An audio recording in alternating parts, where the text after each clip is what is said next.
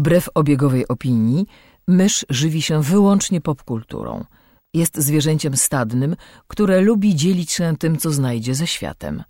Jej naturalnym sposobem komunikacji jest przerywany śmiechem słowotok. Słuchacie podcastu Myszmasz.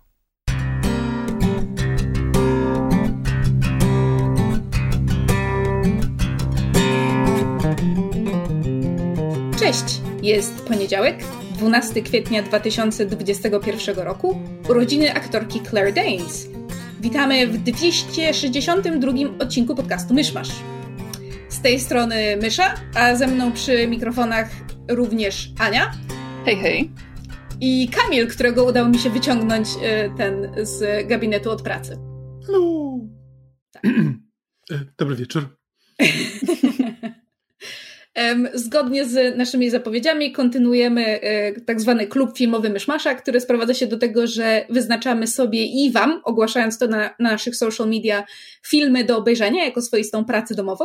I potem wspólnie je sobie omawiamy, e, wchodząc od razu w spoilery i często nie pochylając się nad tym, żeby dokładnie tłumaczyć fabuły filmów, więc jeżeli nie obejrzeliście pracy domowej, którą były filmy e, Dziewczyna w czerwonej pelerynie, czyli e, Red Riding Hood z 2011 roku, dostępna na, żebym nie skłamała, iTunes i na Rakutenie, oraz film Cursed, czyli Przeklęta z 2005 roku, który jest dostępny na Chili, to możecie słuchać tego odcinka, ale nie gwarantujemy, że zrozumiecie, co się dzieje.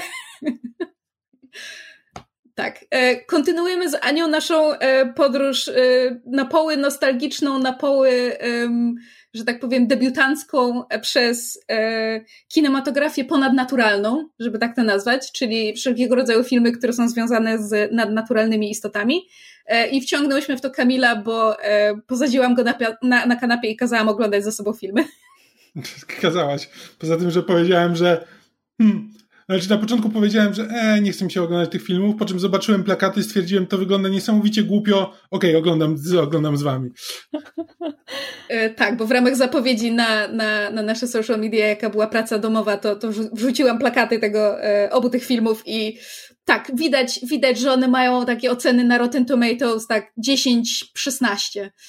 To jest mniej więcej ten przedział. To jest okrutne. Mi się te filmy bardzo podobały. Jestem ogromną fanką.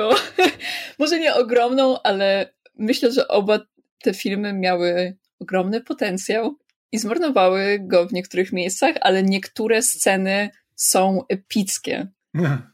I mega mi się podobają, ale do nich potem przejdziemy. Tak, to może zacznijmy um, od y, dziewczyny w czerwonej pelerynie, czyli Red Riding Hood filmu nieco młodszego, bo z 2011 roku, czyli w tym momencie ma tylko 10 lat. I nie ukrywajmy, jest to film, który y, w dużej mierze y, czerpie i wzoruje się na Twilightie. Tak. tak bardzo się wzoruje, że aż ukradł reżyserkę. Tak, tak. Reżyserką e, filmu Dziewczyna w czerwonej pelerynie jest e, Catherine Hardwick, która jest znana z tego, że wyreżyserowała e, pierwszą część sagi Zmierzch. Poza tym e, wyreżyserowała też parę innych, głównie około nastolatkowych filmów. Jej debiutem, zresztą bardzo dobrym i bardzo chwalonym, jest film Trzynastka, 13, z młodą Evan Rachel Wood, który bardzo polecam. No ale dziewczyna w czerwonej pelerynie to nie jest Sukcesu ten film nie odniósł. Tak. Szkoda, bo myślę, że był tutaj potencjał na, e, na coś większego. I jakby oczywiście czuć te zmierzchowe e, klimaty już od samego intro, bo, bo intro jest dosłownie wyciągnięte z Twilightu, po prostu ujęcia na jakieś góry, po, wiecie, lasy, mgła i tym podobne. No nie da się uniknąć e, jakby ty, tych nawiązań ale ten film ma tak wyraźną estetykę, Podobnie tak samo wyraźną jak, jak Zmierzch, bo Zmierzch też jest bardzo charakterystyczny. Wystarczy nałożyć, wiecie, e, niebieski filtr e, na jakieś ujęcia, dać jakąś taką moody muzykę, taką trochę nawiedzoną, a trochę taką, nie wiem, rockową, punk rockową, jakkolwiek to nazwać i, i ma, się, ma się Zmierzch. Cały, cały ten film ma estetykę teledysku Evanescence. Tak. Tak. Tak, ale jako fanka Evanescence zupełnie mi to nie przeszkadza. I to jest mój problem. Jakby ten film trafia w struny, e, które ja po prostu lubię.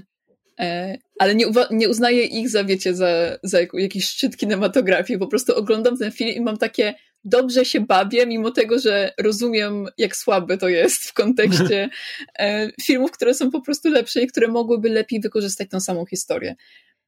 Znaczy, fenomenalne w tym filmie jest to, i mówię to z lekkim przekąsem, ale także z pewnym autentycznym podziwem, jest to, że ten film ogląda się jak ekranizacja YA, mimo że on -hmm. nie jest ekranizacją YA, w sensie mm -hmm. istnieje książka, na pod, ale powstała po tym filmie, na jego podstawie jest jakby um, adaptacją filmu, a mimo to film się ogląda zupełnie jak, jak właśnie książkę Young Adult Novel, z, nawet z trójkątem miłosnym, który mamy wpleciony po prostu centralnie w, w fabułę filmu. Mhm. Mi, się, mi się w sumie podobało, bo mm, nawet mówiłem w trakcie seansu, że po pierwszym e, po pierwszym tam spotkaniu w filmie, kiedy tam się wioska zbiera i zastanawia się, co zrobić z wilkołakiem, czy może tam kiedyś ktoś mówi, że tak, kiedy się zbierają, że coś, e, co zrobić z wilkołakiem, to, to ja tak powiedziałem, że w sumie to e, bardzo chętnie, znaczy żałuję, że nikt nie wpadł na to, żeby zrobić ekranizację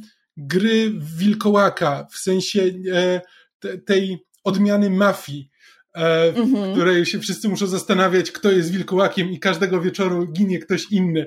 E, po czym jakby chwilę później się zastanawiam, a to jest ta ekranizacja Wilkołaka, bo to jest ten film, w którym wszyscy się zastanawiają, o każdy może być Wilkołakiem, to pewnie on, nie, to on, ja nie jestem Wilkołakiem, ja zdecydowanie nie jestem Wilkołakiem, to on jest Wilkołakiem, jego widziałem jak wychodził w nocy. I, I to mi się w tym podobało, jakby ten film miał bardzo dużo takich momentów. Bo w ogóle, chwila, ja miałam zapytać na samym początku i zapomniałam. Jak zaczął się film, to kogo obstawialiście, że on będzie wilkołakiem? Że będzie tą bestią? Babcie. Ja też babcie. Ale, żeby było śmieszniej, ja ten film widziałam, ja powinnam była pamiętać, kto jest wilkołakiem, ale to było tak... Znaczy, to inaczej.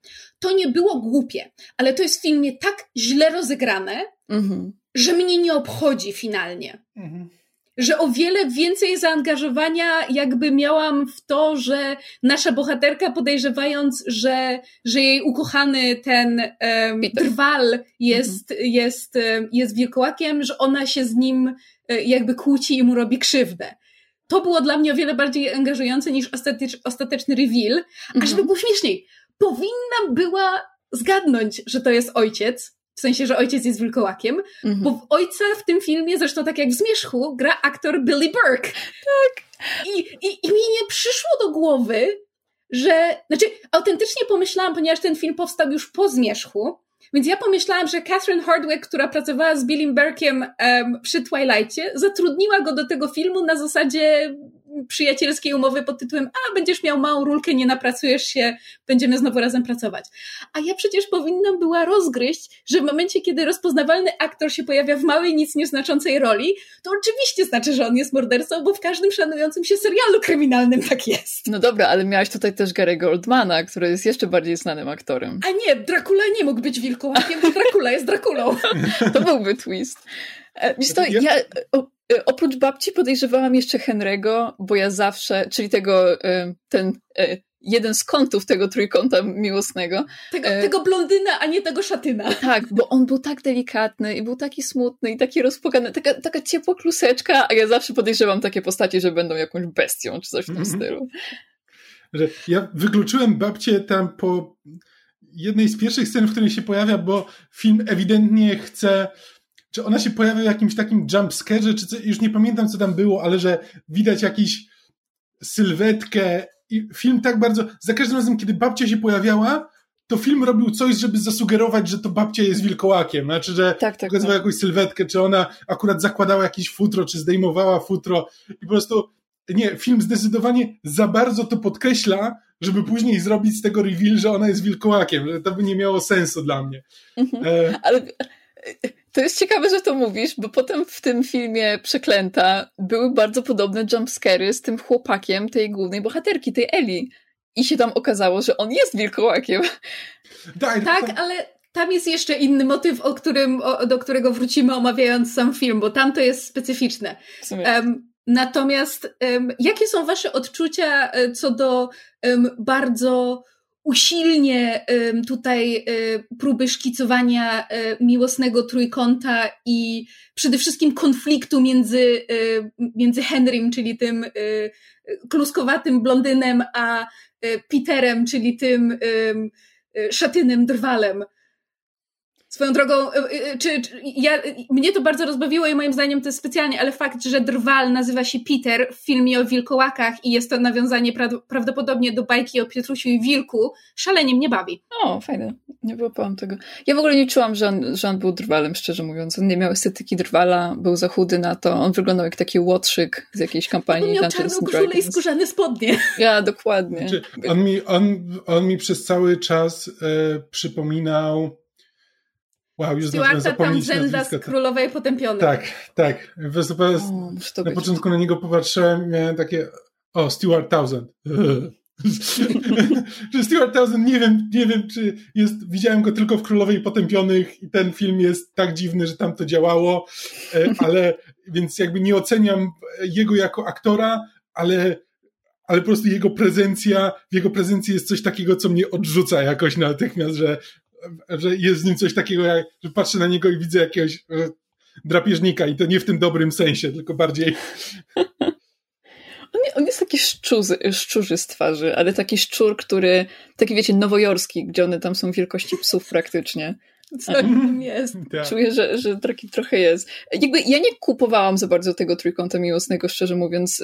Oczywiście to jest zawsze jakieś takie taka dodatkowa automatyczna drama, która się tworzy w tym filmie, bo masz po prostu konflikt, który jest rozgrywany od stuleci, że po prostu dwóch chłopów, jedna baba, że tak powiem w skrócie, ale e, jakby ten Henry miał niewystarczająco wyrazistą relację z tą Valerii, żebym ja uwierzyła, że cokolwiek może między nimi być. Jakby ten film od samego początku był Team Peter, że tak powiem, pokazując ich po prostu wspólne dzieciństwo i no i jakby to, że oni już, oni tak naprawdę byli już w związku jakby od samego początku filmu, w sensie takim ukrytym związku, ale e, jakby było widać, że ta ich relacja jest stała i to nie było, wiecie, to nie, jakby tutaj porównując do zmierzchu, to jest tak jakby Bella przyjechała do tego Forks i była już e, e, z Jacobem od wielu lat.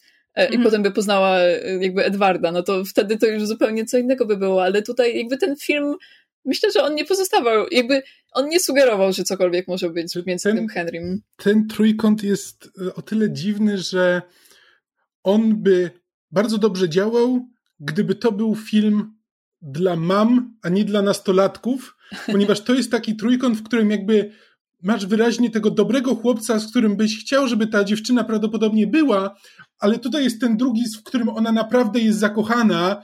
Mhm. I jakby wszyscy wiemy, że jakby z tym, z tym dobrym nigdy nie będzie, bo to kompletnie tego nie widać, to kompletnie nie działa, nie ma tam żadnej chemii, nie ma żadnego powodu, żeby oni byli razem. Ale tak miło by było, gdyby ona wyszła za kogoś takiego, wiesz, porządnego, takiego porządnego chłopaka, a nie tego tam, co się szlaja gdzieś po lesie. Tego obdartusa takiego, co jej nie da życia dobrego, bo jest za biedny, co to w ogóle, co to sobie tak. myślisz, dziewczyno? Po prostu ten trójkąt nie działa, po prostu od razu widać właśnie, to, to, to, to nie jest trójkąt, to jest po prostu to jest odcinek z Wichajstrem. Ten Henry Ale... tam gdzieś jest i nic. Ale słuchajcie, film bardzo się starał to wszystko skomplikować, dlatego że przecież mamy jeszcze kwestię tego, że w tym, tym blond Henrym kochała się siostra Valerie, naszej głównej bohaterki. Mhm. I ale ona nie mogła za niego wyjść i musiała za niego wyjść Valerie, dlatego że Henry i ta młodsza siostra byli przyrodnim rodzeństwem, bo mama się przespała z facetem, który nie był jej mężem. Tak, i ona się kochała w tym facecie i ona nie mogła za niego wyjść, ponieważ musiała wyjść za ojca Walerii. Mi się ten wątek mega podobał. To było, to było ja... na tyle skomplikowane. Znaczy, że... na tyle skomplikowane, że ja musiałam Kamilowi chyba tak, dwa razy ja tłumaczyć musiałem, dlaczego. Znaczy, znaczy, ja musiałem zapauzować, ponieważ miałem takie, po prostu to się wszystko wydarzyło w jednej rozmowie, w której jakby tam matka tłumaczy, tłumaczy głównej bohaterce e, właśnie te, te zależności. Ja musiałem mhm. zapauzować na zasadzie Okej, okay, myszu, ja nie zwracałem uwagi. Nie mam pojęcia, jak kto ma na imię w tym filmie.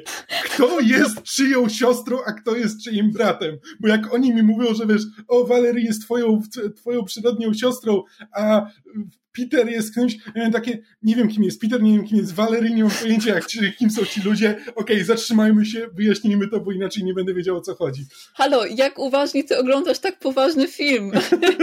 jak można tego nie wiedzieć?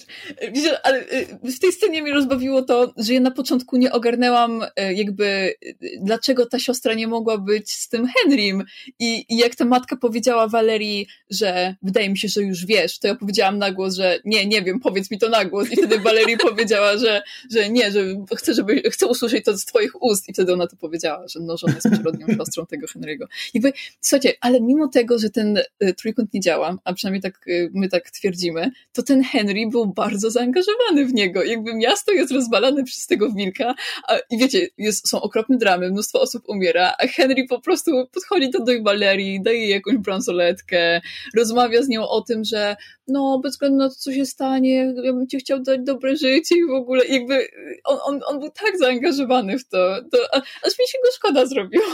Ale to jest ciekawe, dlatego że też film z jednej strony właśnie bardzo go um, na początku pokazuje jako tego niechcianego absztyfikanta, którego, za, którego, za którego Valerie musi wyjść za mąż, ponieważ jakby tak chce rodzina, tak będzie najlepiej i kwestie tam, nie wiem, posagu i dobrego życia i, to, i tak dalej.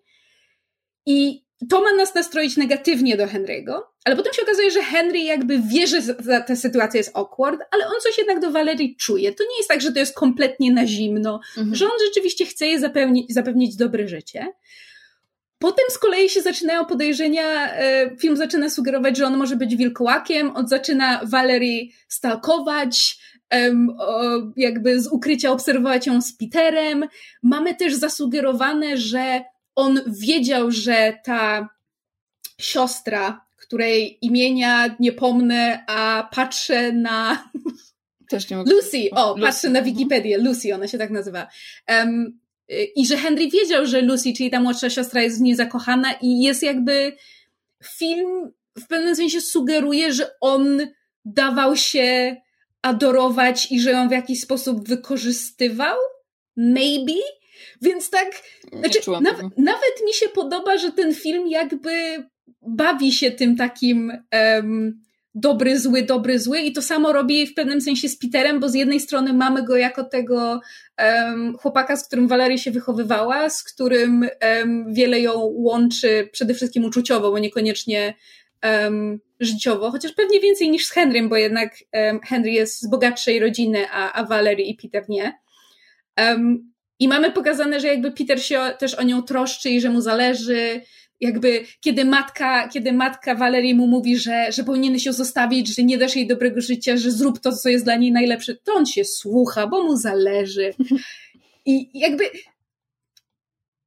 to nie jest tak, że tu jest wszystko kompletnie, e, że tak powiem, położone, bo są jakby próby e, tego takiego mylenia i mam wrażenie, że właśnie to mylenie tropów, kto jest wilkołakiem, jest w tym filmie może nie najlepiej zrobione, ale jednym z lepiej zrobionych elementów. Tak. Jeszcze jak dodamy do tego kwestię, czy, czy właśnie, czy to babcia jest wilkołakiem, czy to Gary Oldman jest wilkołakiem, czy ktoś inny z miasta jest wilkołakiem, bo tego sugestie też są, to, to właśnie ten taki, to taka ekranizacja mafii slash wilkołaka, to to jest dokładnie to, czym ten film jest w mhm. gruncie rzeczy. Mi się bardzo podobało to, że e, jakby wszyscy byli kręceni w taki sposób, jakby byli podejrzani. I, mm. I, bardzo mi się podobała ta scena, e, jak e, babcia Valerii wyszła z e, kuźni tego Henry'ego, gdzie on ją oskarżył o to, że, że jest wilkołakiem. Powiedział, że czuje ten zapach charakterystyczny dla, właśnie dla wilkołaka i który czuł, kiedy wilkołak zabił jego, jego ojca podczas mhm. wyprawy na tego wilka.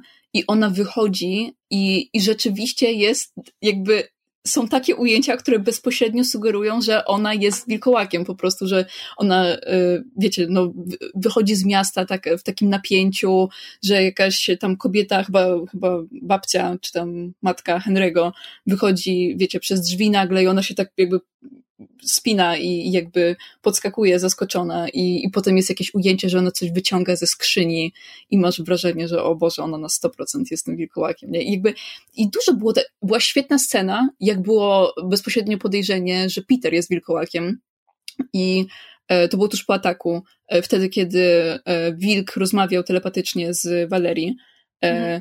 tym jak jakby Valerii weszła do swojego domu i tam było, wiecie, to takie okienko w drzwiach i Peter przez to okienko jej powiedział, że musimy uciekać i że, e, że jakby chodź ze mną i w ogóle, a ona była pewna, że on jest wilkołakiem w tym momencie, więc musiała mu odmówić. I były piękne ujęcia po prostu tylko na ich oczy, takie bardzo jakby ograniczone i zamknięte w takich zbliżeniach. E, tego napięcia i takich subtelności tam było mnóstwo. I, I takie sceny, właśnie wydaje mi się, że ten film bardzo dobrze realizował się w takich subtelnościach, bo były na przykład scena, e, gdzie Valerie był, miała tą maskę wilka na twarzy i mieliśmy takie point of view e, z takim mm -hmm. ograniczonym, e, wiecie, ograniczonym ujęciem, że widzimy tylko jakby przez te dziury w tej masce. Świetnie, jakby ta, ta scena mi się mega podobała i na, naprawdę czułam, czułam takie napięcie płynące z tego, że jestem nastolatką w małej wiosce, która została oskarżona o bycie wiedźmą i teraz czekam, aż przyjdzie po mnie wilk i jakby osoby podchodzą do mnie i mówią mi, że ej, sorry za to, jak to wyszło, a także podchodzi moja przyjaciółka i mówi mi, cieszę się, że, że jakby umrzesz, goodbye. Mm. Więc jakby to było naprawdę, wydaje mi się, że niektóre sceny, mówię, miały taką one były na tyle dobre, że gdyby nie były w filmie, który jest Young Adults od reżyserki Zmierzchu, ten film naprawdę mógł być dobry. Wyobraźcie sobie, słuchajcie, zróbmy taki, y, taki eksperyment myślowy. Wyobraźcie sobie, że ten cały film z tymi pięknymi, mglistymi lokacjami, z tą, z tą małą wioską w górach i w lesie, z, tymi, e, z tym lasem, który jest kolczasty, bo mi się mega podobały te detale, że, te, że wszystkie drzewa mają takie kolce i że, e, ale okej, okay, do kwestii estetycznych za chwilę przejdę, ale wyobraźcie sobie, że ten, ten cały film jest kręcony jak Macbeth ten z Fassbenderem. Wyobraźcie to sobie, bo tam też były takie mgliste estetyki, tylko ten film miał jakby wyższy poziom artystyczny. I gdyby ten film wchodził też na takie, e, takie tony, nawet, słuchajcie, na taki film bardziej, nawet jakby był krótszy i to byłaby taka jakaś taka etiuda filmowa, to, to by było naprawdę dobre, gdyby może potraktować trochę poważniej ten, ten nawet nie robić z tego trójkątu miłosnego, tylko po prostu problem między tym, że hej, jestem z biednej rodziny, a moja rodzina próbuje jakby zapewnić mi lepsze życie, więc aranżują mi małżeństwo z chłopakiem, którego ja nie chcę, bo już mam chłopaka. E, no, tylko, no wiecie, zawsze jak się mówi, że e, ja nie chcę tego chłopaka, chcę innego, to wychodzi tak, tak bardzo nastoletnio i tak niepoważnie, e, ale gdyby potraktować to wszystko jakby bardziej na serio i w bardziej artystyczny sposób, to wierzę, że ten film naprawdę mógł być super dobry. Znaczy, jest film, który ma podobny klimat w pewnym sensie. Nie jest może o wilkołakach, ale ma, ma, ma podobny klimat właśnie takiej izolacji w małej wiosce i czegoś, co napada na tę wioskę. I jest to y, film Wioska M. Night Shyamalana, w sensie The Village. Trzeba z, będzie obejrzeć. Z Bryce Dallas Howard. Znaczy, tak naprawdę. Um, no jakby to, to... tamten film jest zupełnie o czym innym i, i też. Znaczy inaczej jest czym innym i wie, czym jest. On, nie prób, on, on jakby nie, nie stał nawet koło Young Adult. Tak naprawdę um, to, mogło, to mogło być coś w rodzaju The Crucible. Jakby te sztuki o... Um, Czarownicach z Salem. Tak, o jakby o procesach e, czarownic Salem. Mhm. gdzie jakby, tylko, że właśnie o to chodzi, że to by, to by bardzo fajnie działało, gdyby to było głównym tematem filmu. Właśnie te, e, te niesnaski pomiędzy E, pomiędzy mieszkańcami wioski, jakby te oskarżenia, rzeczy, które wychodzą jakby z przeszłości, jakby zastałe jakieś e, konflikty. Mhm. E, natomiast to, co tutaj nie działa, to, że właśnie tym revealem, kto jest wilkołakiem, to jest zrobione na zasadzie, okej, okay, kogo się najmniej spodziewamy i to teraz jego zrobimy, bo ponieważ ojciec poszedł w odstawkę na połowę filmu i się nie pokazywał swojej twarzy, więc wszyscy o nim zapomnieli, więc wyskoczymy go teraz z kapelusza i to on będzie, e, to on będzie zaskoczeniem. Tylko, że właśnie nie powinno, to nie powinno być zaskoczenie, to jakby nie o to powinno chodzić, jakby wilkołakiem powinna być ta osoba, która jakby, jakby fakt, że jest wilkołakiem e, tworzy jakby największy konflikt wewnętrzny mm -hmm. w bohaterce, a nie po prostu to, że że po prostu jeszcze, jest. Tak, znaczy, gdyby jeszcze ta relacja z ojcem była zarysowana, gdybyśmy my jakby mieli jakieś poczucie tego, jak wyglądało ich życie, jakby co on robił, jak ona się do niego odnosiła, jakby tam jest czy tam jest ten motyw tego, że no on jest, on jest pijakiem, tylko że to jest właśnie ograne na takiej zasadzie, że on jest tym pijakiem, którego po prostu trzeba litościwie e, omiotać wzrokiem i nie zwracać na niego uwagi, bo on jest po prostu zawstydzający, ale to wszystko.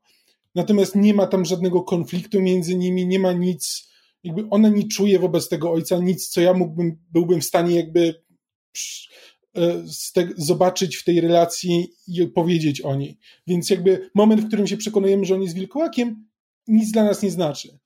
Tak, i jakby przede wszystkim bohaterka ma więcej interakcji z obojgiem swoich absztyfikantów niż ze swoimi rodzicami, co jakby jest w pewnym sensie problematyczne, bo właśnie prowadzi do tego, że, że, że ten reveal ojca jako wilkołaka nic nam nie robi. Um, ale też jakby bohaterka ma więcej interakcji z matką, co jakby okej, okay, biorąc pod uwagę, że to jest y, żeńska postać, że zginęła jej siostra, że kwestie tego właśnie, że, że, że matka też została zmuszona do małżeństwa z kimś, kogo nie, początkowo nie kochała, to się wpisuje w tę samą narrację, w którą ma wpaść jej córka.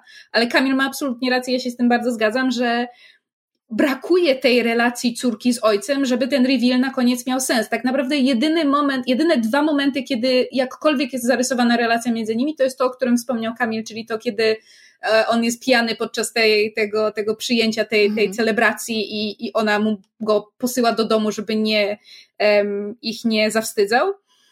E, a wcześniej jest jakaś drobna scena, z której pamiętam tylko to, że on, że, że, że, ojciec jakby bierze swoją córkę pod brodę i mówi, że jesteś moją grzeszną dziewczynką. I zresztą to potem wraca w finale, że on właśnie jakby zakładał, że ona jest tą jego grzeszną dziewczynką i że będzie chciała być wilkołakiem tak jak on i że pójdzie z nimi, wyjedzie i tak dalej. Mhm. Ale jakby to, to nie ma żadnej wagi w tym filmie. Tak, szczególnie, że y, jeśli weźmiemy pod uwagę, że jakby ten wilkołak to, co wchodzi wilkołakowi, jak się, kiedy wilkołak mówi jako wilkołak e, jeszcze, to żeby, e, jak ona Walerii, żeby Walerii z nim wyjechała. Więc jakby mhm. moment, w którym jakby przekonujemy się, kim jest wilkołak, powinien być też momentem, w którym że myślimy, to by miało sens, gdyby z nim wyjechała.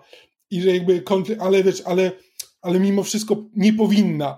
E, jakby, bo inaczej po prostu to, to jest tylko takie no tak, no to jest po prostu wtedy zwyk, zwykły złol, który po prostu chce zabrać córkę, która nie chce i który jest dla niej najgorszym, co może się jej przytrafić, bo jakby, bo ojciec jest najgorszym. Jakby każdy inny w tej wiosce byłby dla niej lepszym wyborem jakby w dalszym jakimkolwiek życiu. Mogłaby wyjechać z babcią, mogłaby wyjechać z którąś ze swoich przyjaciółek, mogłaby wyjechać z dowolnym z dwóch chłopaków, których ma i miałoby to jakiś sens a natomiast to, że zabierze ją ojciec, to będzie dla niej absolutnie najgorsze. W związku z czym to się po prostu robi takie, że no to jest, to jest ten facet, który chce, którego nie widzieliśmy przez pół filmu, a teraz chce zabrać córkę gdzieś i wyjść. I właściwie nie wiemy, czemu mu na tym zależy, bo nie widzieliśmy, że mu zależało na, na córce wcześniej. Znaczy, jego chyba główną motywacją i, i to, dlaczego mu zależy, to to, że ona po prostu ma jego krew w sobie i jakby byłaby bardzo silnym wilkołakiem, bo w tym filmie jakby wilkołactwo mhm. y, I guess kumuluje się z generacji na generację, bo on tak, powiedział, że, mówią, tak. Tak, że, że on jest silniejszy niż, y, niż jego ojciec, który też był wilkołakiem. I, I on chyba po prostu ma tą taką ideę E, tego, że skoro wiecie, jego ojciec mu dał ten dar, bo on to uznaje za dar, mm. to on teraz to przekaże swojej córce. No i on tam rzucił jakimiś argumentami. E, on tam rzucił jakimiś argumentami pod tytułem, że o, będziemy niepokonani razem. Razem podbijemy i... galaktykę. Tak, no właśnie, ale to było nieprzekonujące, bo wiecie co, gdyby były hinty na początku tego filmu, że może jemu nie pasuje mieszkanie w tym mieście, albo że wiecie, że to jest taki, to jest taki mały świat i on, żeby chciałby poznać jakby więcej świata. Gdyby Valerie miała takie mhm. ambicje w ogóle, no właśnie. To, to może gdyby to ona chciała uciec z tej wioski, gdyby ona miała pragnienie ucieczki i życia własnym życiem i być jakimś silnym, kto nie pozwala sobie dyktować warunków i, i, i nie musi się posłuchać y, rodziców, jak każą ci za kogoś wyjść, to to by wtedy miało sens. I owszem, ona niekoniecznie chce wyjść za Henry'ego i wstępnie planuje, że ucieknie z, z Peterem, ale jakby nie widać w niej tego wielkiego pragnienia wyrwania się z tej wioski, znaczy, więc właściwie to, co on jej oferuje, jest dla niej znaczy, no, inaczej, niczym. Ona ma pragnienie wyrwania się z wioski, bo ona praktycznie rzecz biorąc się z tej wioski już wyrwała, bo oni już byli na koniu i już wyjeżdżali z tej wioski na samym początku tego filmu. E, w związku z czym jakby jedyne, co ją powstrzymało, to był ten wilkołak. Tylko po to, żeby ją potem chcieć zabrać z powrotem. E, no tak, no jakby to, że... Więc to, to po prostu było, e, było po nic. I jeszcze, żebyśmy my widzieli, że ten ojciec rzeczywiście ma jakieś ambicje. A jeśli my się dowiadujemy na koniec, że on chce być najpotężniejszym wilkołakiem na świecie razem ze swoją córką, to co on robi w tej wiosce, udając pijaka? Jakby czemu on nie ma tej ambicji, kiedy jest w tej wiosce? Więc... Czy to był jakiś wątek, że on był w mieście wcześniej chyba? Tak, ale właśnie jakby te, te, te, ta przebitka do miasta pojawia się trochę znikąd i w kontekście nie leży, bo, bo jakby, bo co, bo on był w mieście, ale przyjechał do tej wioski, bo, bo, bo co? I, I kiedy się pobrał z, z matką Valerii i jakby, czy po prostu ta przybitka na to miasto się nijak nie wpasowuje w tę bardzo szczątkową narrację, którą mamy na temat jego życia i planów. Więc ja nawet nie wiem, po co ona tam była. Chyba będę musiała obejrzeć jeszcze raz, bo rzeczywiście nie mogę sobie przypomnieć, jakie mieli uzasadnienie na to. No właśnie, to było przedziwne. Ale w ogóle teraz tak myślę, bo to, to małżeństwo aranżowane z jej, z jej matką, w sensie z Valerii, było z tym ojcem, ale oni są biedni, więc jakby z jakiego powodu w ogóle aranżowali to małżeństwo, skoro ono źle na nim wyszło. Znaczy, Myślałam, ja aranżowane małżeństwa są po to, żebyś miał więcej kasy. Znaczy ja podejrzewam, że to było raczej tak, że ona chciałaby móc... Ch chciała móc wyjść za tego, za tego swojego oryginalnego, kochanego, za tego um, kowala, bo jakby ojciec Henry'ego też był kowalem. Mhm. E, na, tym, na tym się jakby wzbogacili. Um, zresztą bardzo mi się podoba, że mówimy o bogactwie w kontekście jednej małej wioski i rodziny Kowala. Jakby to nie jest, wiecie, hrabia ani kurde król. Nie, to jest po prostu najbogatsza profesja w wiosce, to jest Kowal. I bardzo mi się podoba mała skala tego. To ma sens. Wracając do tego, co mówiłam, że podejrzewam, że, że matka Valerie, ona właściwie na imię, ona w ogóle na imię ma Suzette. Wszyscy tutaj mają francuskie nazwiska, a mimo to wioska ma angielską nazwę. Bez sensu. Daggerford. No. Tak. Um, ale mamy imiona typu Suzette, Valérie, César. Peter. Tak, i Peter nagle. Claude. Um, w każdym razie um, ja podejrzewam, że Suzette chciała móc wyjść za, za, za ojca Henry'ego, ale ponieważ on był tym kowalem, on prawdopodobnie musiał sobie znaleźć lepszą partię, a jej przypadło w udziale wyjście za kogoś z, jakby z podobnej warstwy społecznej, więc wyszła za, za no, ojca Walerii, za Cezara właśnie, on miał imię Cezar. W sumie w takim razie Walerii chyba była y, przeznaczona Henry'emu głównie ze względu na wygląd, bo pamiętam, że, że ta matka czy, czy babka Henry'ego y, w tej scenie, jak Walerii jest smutna, że jej siostra umarła, to ta babka jej mówi, że nie przejmuj się, ty jesteś tą ładniejszą, więc i tak byś wyszła za Henry'ego.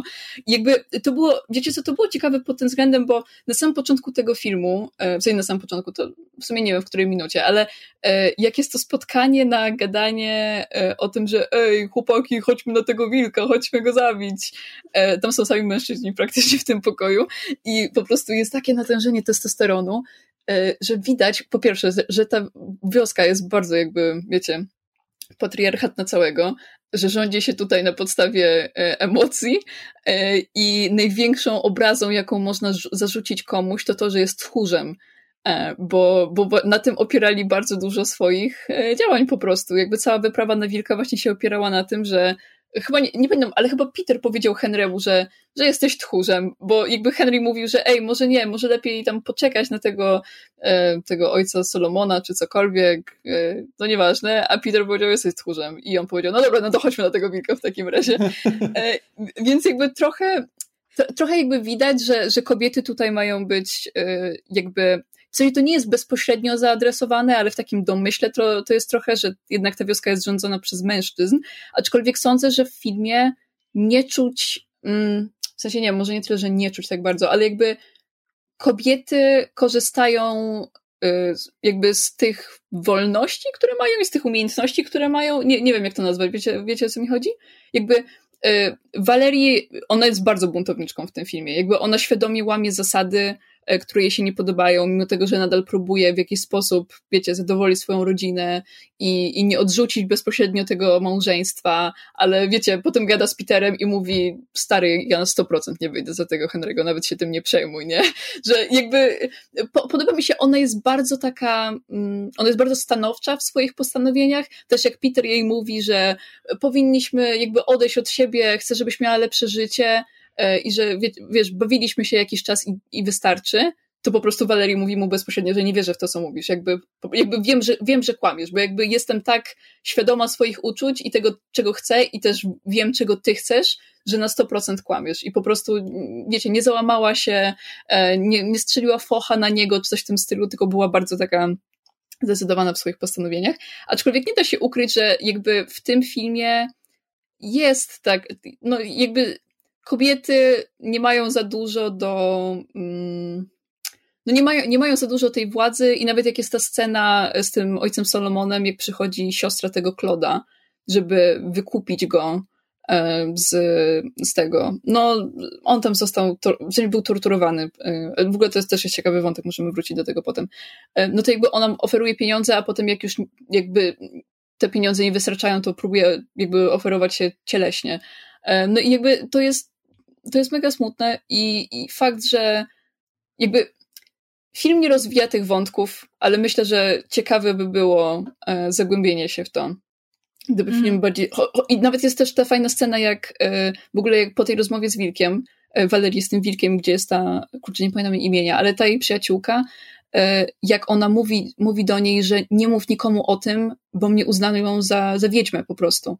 I że będą chcieli mnie spalić, coś w tym stylu. I jakby e, tam, no i ona potem ją wydaje, ale, ale jest ta scena takiego siostrzeństwa na końcu, e, jak, czy znaczy na końcu, pod koniec, jak, e, jak są w tym kościele mhm. i, i, i wiecie, Solomon mówi, że ej dobra, wilk jej chce, więc jakby weź po prostu i do tego wilka i uratujesz całą wioskę.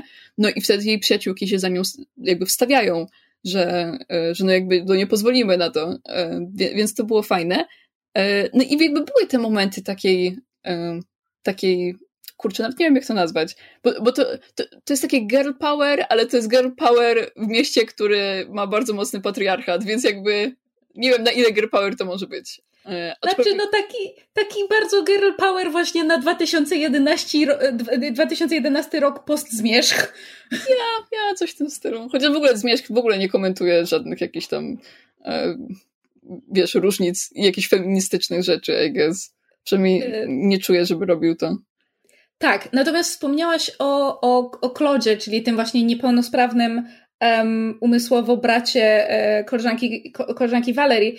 I dla mnie to jest o tyle ciekawy motyw, że ten film, oprócz tak jak żeśmy wspomnieli, um, całkiem niezłej zabawy w, w mafię, czy też wilkołaka pod tytułem Wskazujemy palcem, kto, kto jest wilkołakiem.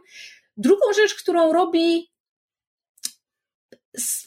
na poły dobrze, stara się, jest wplatanie elementów związanych z baśnią i różnymi interpretacjami baśni o czerwonym kapturku. To znaczy to, jak, jak nasza bohaterka się staje czerwonym kapturkiem, bo po prostu babcia jej wręcza pelerynę i potem nic z tego nie przychodzi, po prostu chodzi w czerwonej pelerynie and that's it. Jest głupie jak but, ale nieważne. O wiele bardziej lubię e, z serialu Once Upon a Time, jaką rolę tam spełnia czerwona peleryna bohaterki będącej czerwonym kapturkiem. Tam, tam motyw wilkołactwa jest, jest y, trochę inaczej zinterpretowany w sposób, który jakby nie jest bardzo oryginalny. Jeżeli ktoś chce właśnie bardziej feministyczne ujęcie tak zwanego e, demonstrous feminine, czyli potwornej kobiecości, to właśnie um, przykładem tego, może nie najlepszym, ale jest czerwony kapturek z Once Upon a Time. Natomiast tutaj, w tym filmie, jest parę takich elementów. To znaczy, cała ta um, cała ta historia z żoną e, ojca Salomona, że on e, polował na wilkołaka, odciął mu łapę, schował do pudełka, a potem jak wrócił do domu, zastał swoją żonę z zakrwawionym kiukutem i jak otworzył skrzynkę, była tam jej ręka z jej obrączką. Mhm. Jeśli dobrze kojarzę, to jest bezpośrednio wzięte z jednej z e, wersji baśni o czerwonym kapturku, zinterpretowanej poprzez e, właśnie mity i legendy wilkołactwa, w wykonaniu słynnej takiej pisarki Angeli Carter, która jest właśnie znana z reinterpretowania baśni poprzez właśnie potworną kobiecość. Ona napisała taką świetną antologię tekstów um, The Bloody Chamber, Krwawa Komnata. Zresztą na podstawie y, której jest oparty film The Company of Wolves, Towarzystwo Wilków, które myśmy z Anią bardzo chciały obejrzeć, bo tam mhm. motyw tego właśnie um, wilkołactwa i czerwonego kapturka jest o wiele lepiej zrobiony. Ten film wyreżyserował um, Neil Jordan, który zrobił też wywiad z wampirem. Um, i ten motyw z tą, z tą ręką to jest jakby znany motyw. I tak samo to, że na koniec nasi, nasi dzielni bohaterowie Peter i Valerie zaszywają ojca bohaterki z kamieniami w brzuchu, mhm. no to też jest żywcem wyjęte z baśni o czerwonym kapturku. Ale to, co mnie też zaintrygowało, i jest oczywiście smutne, bo jest wyjęte z, z historii, ale fakt, że ojciec Solomon uznaje, że, że właśnie Claude, że ten niepełnosprawny umysłowo chłopiec jest wilkołakiem, to jest jakby nie wzięło się znikąd. To te tak zwane dzikie dzieci, czyli jakby dzieci, które w jakiś sposób się wychowały w dziczy albo były w jakiś sposób um, niepełnosprawne umysłowo, odstawały od tego, co ludzie w dawnych czasach uznawali za normalne, były bardzo często właśnie interpretowane jako, jako w jakiś sposób demoniczne, czy nienaturalne, czy będące jakimś rodzajem potwora. Mhm. I niestety bardzo często były z tego powodu, um, no spotykała je z tego powodu krzywda, a czasami śmierć. I nie jest to miłe, ale wydaje mi się ciekawe, że to zostało w filmie odtworzone, bo to pokazuje, że twórcy nie, nie weszli w to kompletnie w ciemno, tylko jakby zrobili jakiś research. Mhm. Podobało mi się właśnie to, że przed przyjazdem ojca Solomona jakby Claude był uznawany za po prostu, wiecie, część, część wioski, wszyscy go jakby lubili, rozumieli e, jakby jego zachowania i, i tą e, niepełnosprawność, e, ale kiedy przyjechał ten ojciec Solomon, to uznał jakby, wiecie, sztuczkę karcianą za coś podejrzanego, a potem to jak, jak, jak ten Claude miał właśnie jakiś taki epizod, no w sumie... Paniki po prostu chyba, no tak, histerii. Tak. No mhm. tak, to, która jest jakby chyba charakterystyczna dla, dla jakby autyzmu, tak mi się wydaje. To, e, Zdarza się u osób na spektrum, tak. No, zwłaszcza w sytuacji zwiększonego stresu, w której był Claude. No, no zdecydowanie. To jest, to jest tak. zupełnie zrozumiałe. No, to ten ojciec Solomon uznał, że on rozmawia z demonami. Mhm. I, I to też jest historycznie jakby bardzo znane, że tak powiem, wytłumaczenie tego wszystkiego i po prostu demonizowania osób z, z niepełnosprawnościami. Więc, więc jakby cie, podobało mi się to, jak jakby ten ojciec Solomon rzeczywiście zupełnie zmienił nastroje w mieście, bo jakby to, jak on przyjechał do tej wioski i jedna z pierwszych rzeczy, które im pokazał, oprócz tego, że wiecie, zrobił cały ten taki spektakl z tego, mm -hmm. z tej opowiadania o śmierci swojej żony i wiecie, pokazanie jej dłoni w, w szkatułce i tym podobne, a potem wiecie, wyciągnął jakiś tam wynalazek, który pokazuje, wiecie, astronomicznie, kiedy jest pełnia i rzucił jakimś tam, wiecie, takim diabełkiem, żeby się, żeby się ogień pojawił, w ogóle, wiecie, cała wioska, wioska w ogóle technologii na oczy nie widziała, widzą, że jakiś ogień strzelił, jo, jo, on jest taki mądry. No i pierwsze, co zrobił ten Solomon, to było jakby wprowadzić e, ten taki niepokój i podejrzliwość e, u każdej osoby po prostu w wiosce do tego, że każda osoba może być wilkiem. Bo i jakby to, to była fajna scena, jakby dostałam takich leciutkich e, ciarek, jak on powiedział, że jakby, że wilk nie jest jakby, wiecie, w jakiejś tam w jakimś tam, wiecie, tam w górach, tam gdzie poszliście, żeby go zabić, on jest tutaj, on jest wśród was i to było fajne. Jakby wszyscy po sobie patrzyli, siebie podejrzewali. E, jakby podobała mi się ta nagła zmiana e, w, w całej jakby organizacji tego miasta e, prze, przez właśnie obecność tego Solomona. I, I jakby on, jakby przez chwilę nawet myślałam, że może on byłby, on byłby tym wilkołakiem. Chociaż no jak wiecie, jak był atak, w którym on walczył z tym wilkołakiem, no to już tego nie podejrzewałam, ale jakby wtedy myślałam, że ej, może on specjalnie jakoś zrobił ten, ten atak wilkołaka, bo tam też była taka sugestia, że jakby on super szybko się pojawił, był przygotowany na to, że, że on mm. zaatakuje, no ale w sumie on też powiedział, że jestem pewien, że on zaatakuje dzisiaj, bo jakby, jakby świadomie się bawicie, robicie tą celebrację i kusicie tego wilka, więc jakby był gotowy na to. Um, ale jakby nie wiem jak was, ale mnie do końca gra Gary Goldmana nie przekonywała. Jakby ja go lubię jako aktora i myślę, że ta postać miała, w sensie Solomon miał myślę, że miał jakiś potencjał, ale wydaje mi się, że wzięli tego Oldmana, bo on po prostu jest znanym aktorem i jakby Oldman był taki, dobra, spoko, zagram go, nie? Dajcie mi scenariusz. Tak. Tak, Mam tak, gadać to było... dramatycznie, to będę grał, gadał dramatycznie, spoko. Ja, ja, się śmieję, że, że Gary Oldman, tak jak Jeremy Irons, zresztą ojciec Maxa Ironsa, który gra Henry'ego, to jest, to jest syn oh, Jeremy'ego Ironsa. Naprawdę? Tak. Um, ja się śmieję, że Gary Oldman, tak jak Jeremy Irons, ma gdzieś różowy zamek, zamek który musi utrzymywać i ten film był jego po prostu formą spłacenia e, rachunków. Um, ale no tak, Gary Oldman mm, grał na pełnej, jakkolwiek chcemy to rozumieć, ale znaczy to nie była aż taka, aż takie podkręcenie tej gałki, jak żeśmy się śmiały z Drakuli w Van Helsingu. Mm-hmm. Trochę, trochę, trochę e, bardziej wyhamował Gary Oldman, ale ja chyba nawet w trakcie seansu mruknęłam do Kamila, e, jak właśnie um, ojciec Salomon został, z, zaczął podjudzać wioskę jakby jednych przeciwko drugich mieszkańców. Nawet mruknęłam chyba do Kamila coś w stylu, o patrz, Gaston zaraz ich wszystkich powiedzie na bestię. Bo to było dokładnie to, to było po prostu poleganie na, na e, cudzysłów ciemnych wsiokach i um, nakręcanie w nich takiego mob mentality, takiej mhm. właśnie e, tej mentalności tłumu, żeby oni zaczęli sobie rzucać do gardeł, a on mógł na tym skorzystać. I są w tym filmie elementy, które jakby właśnie te takie, te, te, te, ta zabawa w mafię, to wzajemne oskarżanie, to nakręcanie tej, tej podejrzliwości, ale właśnie, nie wiem, proces czarownic Salem, te drobne odniesienia do jakby baśni o czerwonym kapturku i mitologii związanej z, z wilkołakami, no, były, był potencjał. Tak. Ale poczekaj, bo wspomniałaś o tej scenie celebracji. Tak. I ja chciałam do tego nawiązać, bo miałam oglądając ten film drobne skojarzenia z poprzednim filmem, którym żeśmy omawiały, czyli z y, Hansel i Gretel, łowcy, yy, chciałam powiedzieć wampirów, nie, czarownic. Mhm. Um, Jasi Małgosia, łowcy czarownic. E, bo jakby to jest podobny klimat, trochę, to znaczy umówmy się, y, Hansel i Gretel to jest jednak bardziej taka pulpa, bardziej w stronę um, fantazy, tak, fantazy i przesady, a tutaj jednak to było bardziej wyważone.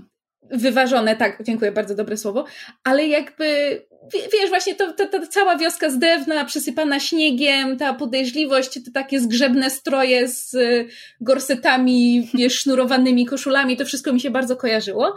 I potem była ta scena celebracji, ja jej nie rozumiem, bo oni tam rzucili wszystkim, co mieli, co było chociaż trochę jakieś y, rustykalne i wiejskie i folkowe, rzucili o ścianę i, i, i bezmyślnie moim zdaniem to kompletnie wykorzystali, bo tam były takie wizualne i designerskie elementy, które w ogóle mi nie pasowały do tej wioski. W sensie jakby biorą się znikąd, nic nam nie mówią o świecie, nic nam nie tłumaczą. Ludzie w, w maskach trzech małych świnek, bo najwyraźniej musimy, skoro mówimy o wilkach i wilkołakach, było jakieś strasznie ni w pięć, ni w dziewięć. Ja się zupełnie nie zgodzę. Myślę, że, że to było spójne. Y, w tym filmie nie było żadnych gorsetów, z tego co ja pamiętam. Jedyne gorsety, jakie widziałam, to były jakby wiązania, y, ale tutaj nie poszli w. Um, jakby wydaje mi się, że poszli mniej fantazy. Tam były jakieś nawiązania historyczne, chociaż to, wiecie, to jest y, taki okres, że można powiedzieć, że zarówno to jest XV wiek y, w jakichś biedniejszych warstwach, jak i, jak i VI wiek, więc jakby mm. można sobie tam celować jak, jak tylko chcecie. Ale moim zdaniem to było spójne, bo y, od samego początku buduje się tą wioskę jako wioskę, która jest tak przyzwyczajona do ataków wilka, że elementy strachu przed tym wilkiem i całej jakby, wiecie, otoczki związanym z tym są inkorporowane w, y, w architekturę i w sztukę i kulturę tej, e, tej, tej wioski. E, choćby to, że drzwi od kościoła mają na drzwiach e, jakby taką pozłacaną niby ikonę w sumie anioła walczącego z wilkołakiem. To, że wszystkie, wszystkie domy mają na ścianach wbite kolce, które też przypominają te kolce z drzew w lesie. I wie, mhm. prawie wszystkie domy są też na, nie na szczudłach, tylko na tych, na... Polach? Na palach, tak. Mhm. I mają wciągane drabiny. Tak. Co, co, co, znaczy, to mi się właśnie podobało, ale potem podczas tej celebracji mam wrażenie, że, bo tam na przykład była kobieta w jakiejś beżowej sukni z kłosami zboża na głowie, ala, nie wiem, Marzanna, czy jakaś e, wiosenna panna. Po co? Dlaczego? Nobody ale knows. Trzy świnki. Po co? Dlaczego? Bo mamy wilka, I guess. Nie, no, Dla mnie to było strasznie mhm. takie mi ta celebracja pasowała. Wyobrażałam sobie, że oni tak często, wiesz, mają te ataki wilka, oni mają nawet oddzielny jakby znak przy, przy wejściu do wioski, który pokazuje ci, kiedy je spełnia. Mają hmm. oddzielne miejsce do poświęcania, w sensie tam, no wiecie, ofiar ze zwierząt E, żeby wilk po prostu wiedział, gdzie ma iść, jak chce się najeść. Więc jakby, jak dla mnie ta kultura, jakby to było spójne. Ta celebracja, jak dla mnie mogła się odbywać co jakiś czas, gdzie ludzie się po prostu cieszyli z tego, że wiecie, że wilka nie ma i pełnia minęła, więc wiesz, mieli przygotowane maski, pewnie mieli jakieś legendy i historie związane z tym. Myślę, że bajka o trzech świnkach na 100% jakby była kanonem w tej, w tej wiosce. Po prostu ktoś to wymyślił i celebrowali to i robili jakieś przedstawiania związane z tym.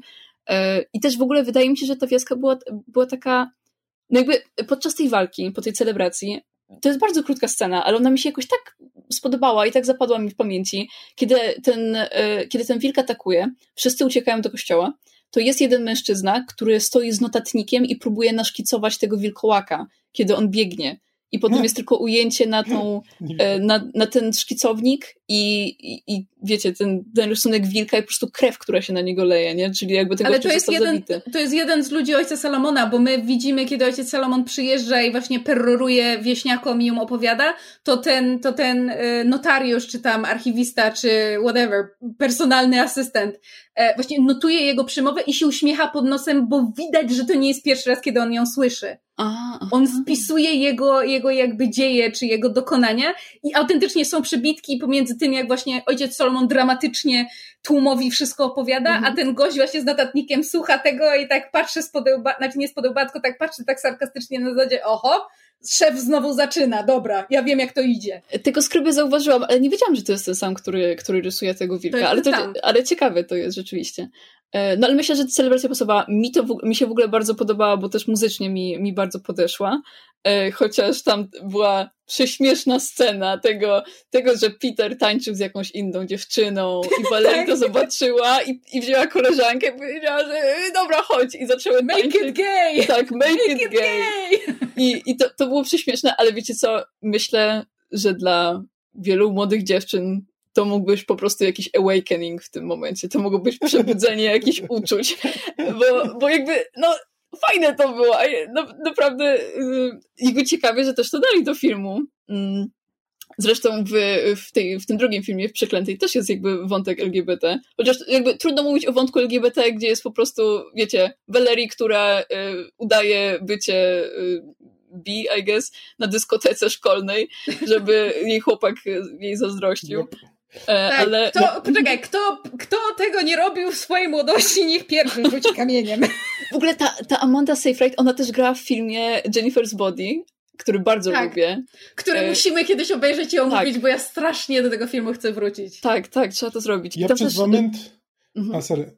E, ja tylko chciałem powiedzieć, że przez moment w ogóle myślałem, że właśnie podejrzewałem tę koleżankę, z którą ona tańczyła, że może ona będzie wilkołakiem, że to się zrobi taka queerowa historia o wilku, bo to by miało sens, gdyby ona jakby chciała wyciągnąć Valerii z tej wioski po to, żeby one mogły e, razem wspólnie gdzieś w, w miejscu, gdzie nikt ich nie będzie osądzał, e, tak. żyć.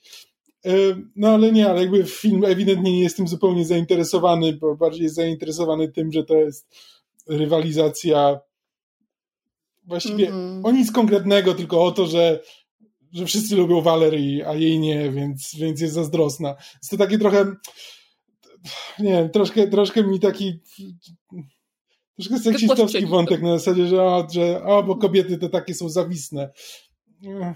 No, mogli, mogli to ciekawie rozegrać, ale mm. niestety ten film nie miał miejsca na to.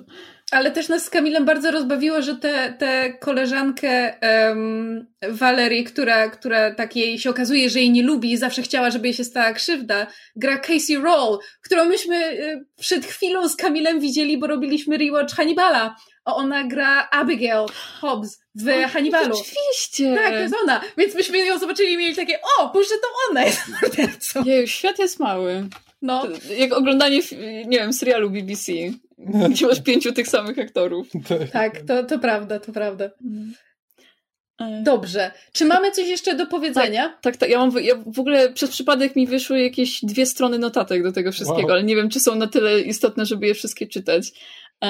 E, tak, Podejrzewam, że część z tego żeśmy już zdążyli omówić. Tak, tak, tak, oczywiście. Tylko tutaj na, przykład sobie przeczytam, że pa, pa, pa, sprawna ekspozycja, skakujemy w środek życia tych postaci, widzimy ich relacje i problemy, razem z Valerii dowiadujemy się o rodzinnych sprawach i przeżywamy to, ale za mało tego jest jakby nie, okej, okay, są relacje rodzinne, jakby akcja z mamą i jej historia, bardzo ciekawe. Szkoda, że nie było tego z, z, jej ojcem, który był bardziej istotny w tym filmie w kontekście tego twistu na końcu, więc trochę szkoda, że tego nie było. E, bardzo mi się na początku podobało, e, podobała klamra kompozycyjna, kiedy mała Valerii patrzy na to, że świnka jest e, jakby przywiązywana do tego stosu ofiarnego, w sensie stosu, tego stołu ofiarnego i, i potem dorosła Valerii, w sensie nastoletnia Valerii, sama jest przywiązywana do tego, do tego samego stołu jako ofiara dla wilkołaka. To była ładna klamra kompozycyjna.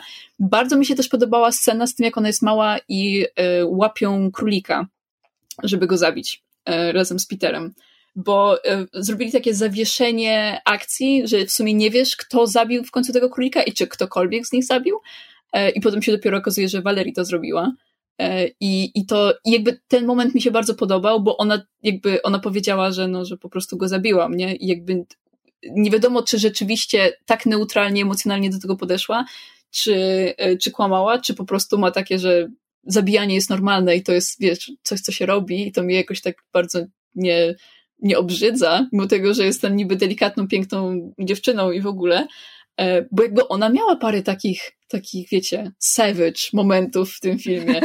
Choćby to jakby na końcu to rozcinanie swojego ojca i wkładanie w niego kamieni, jakby ona miała zupełnie, wiecie, niezruszoną twarz podczas tego wszystkiego.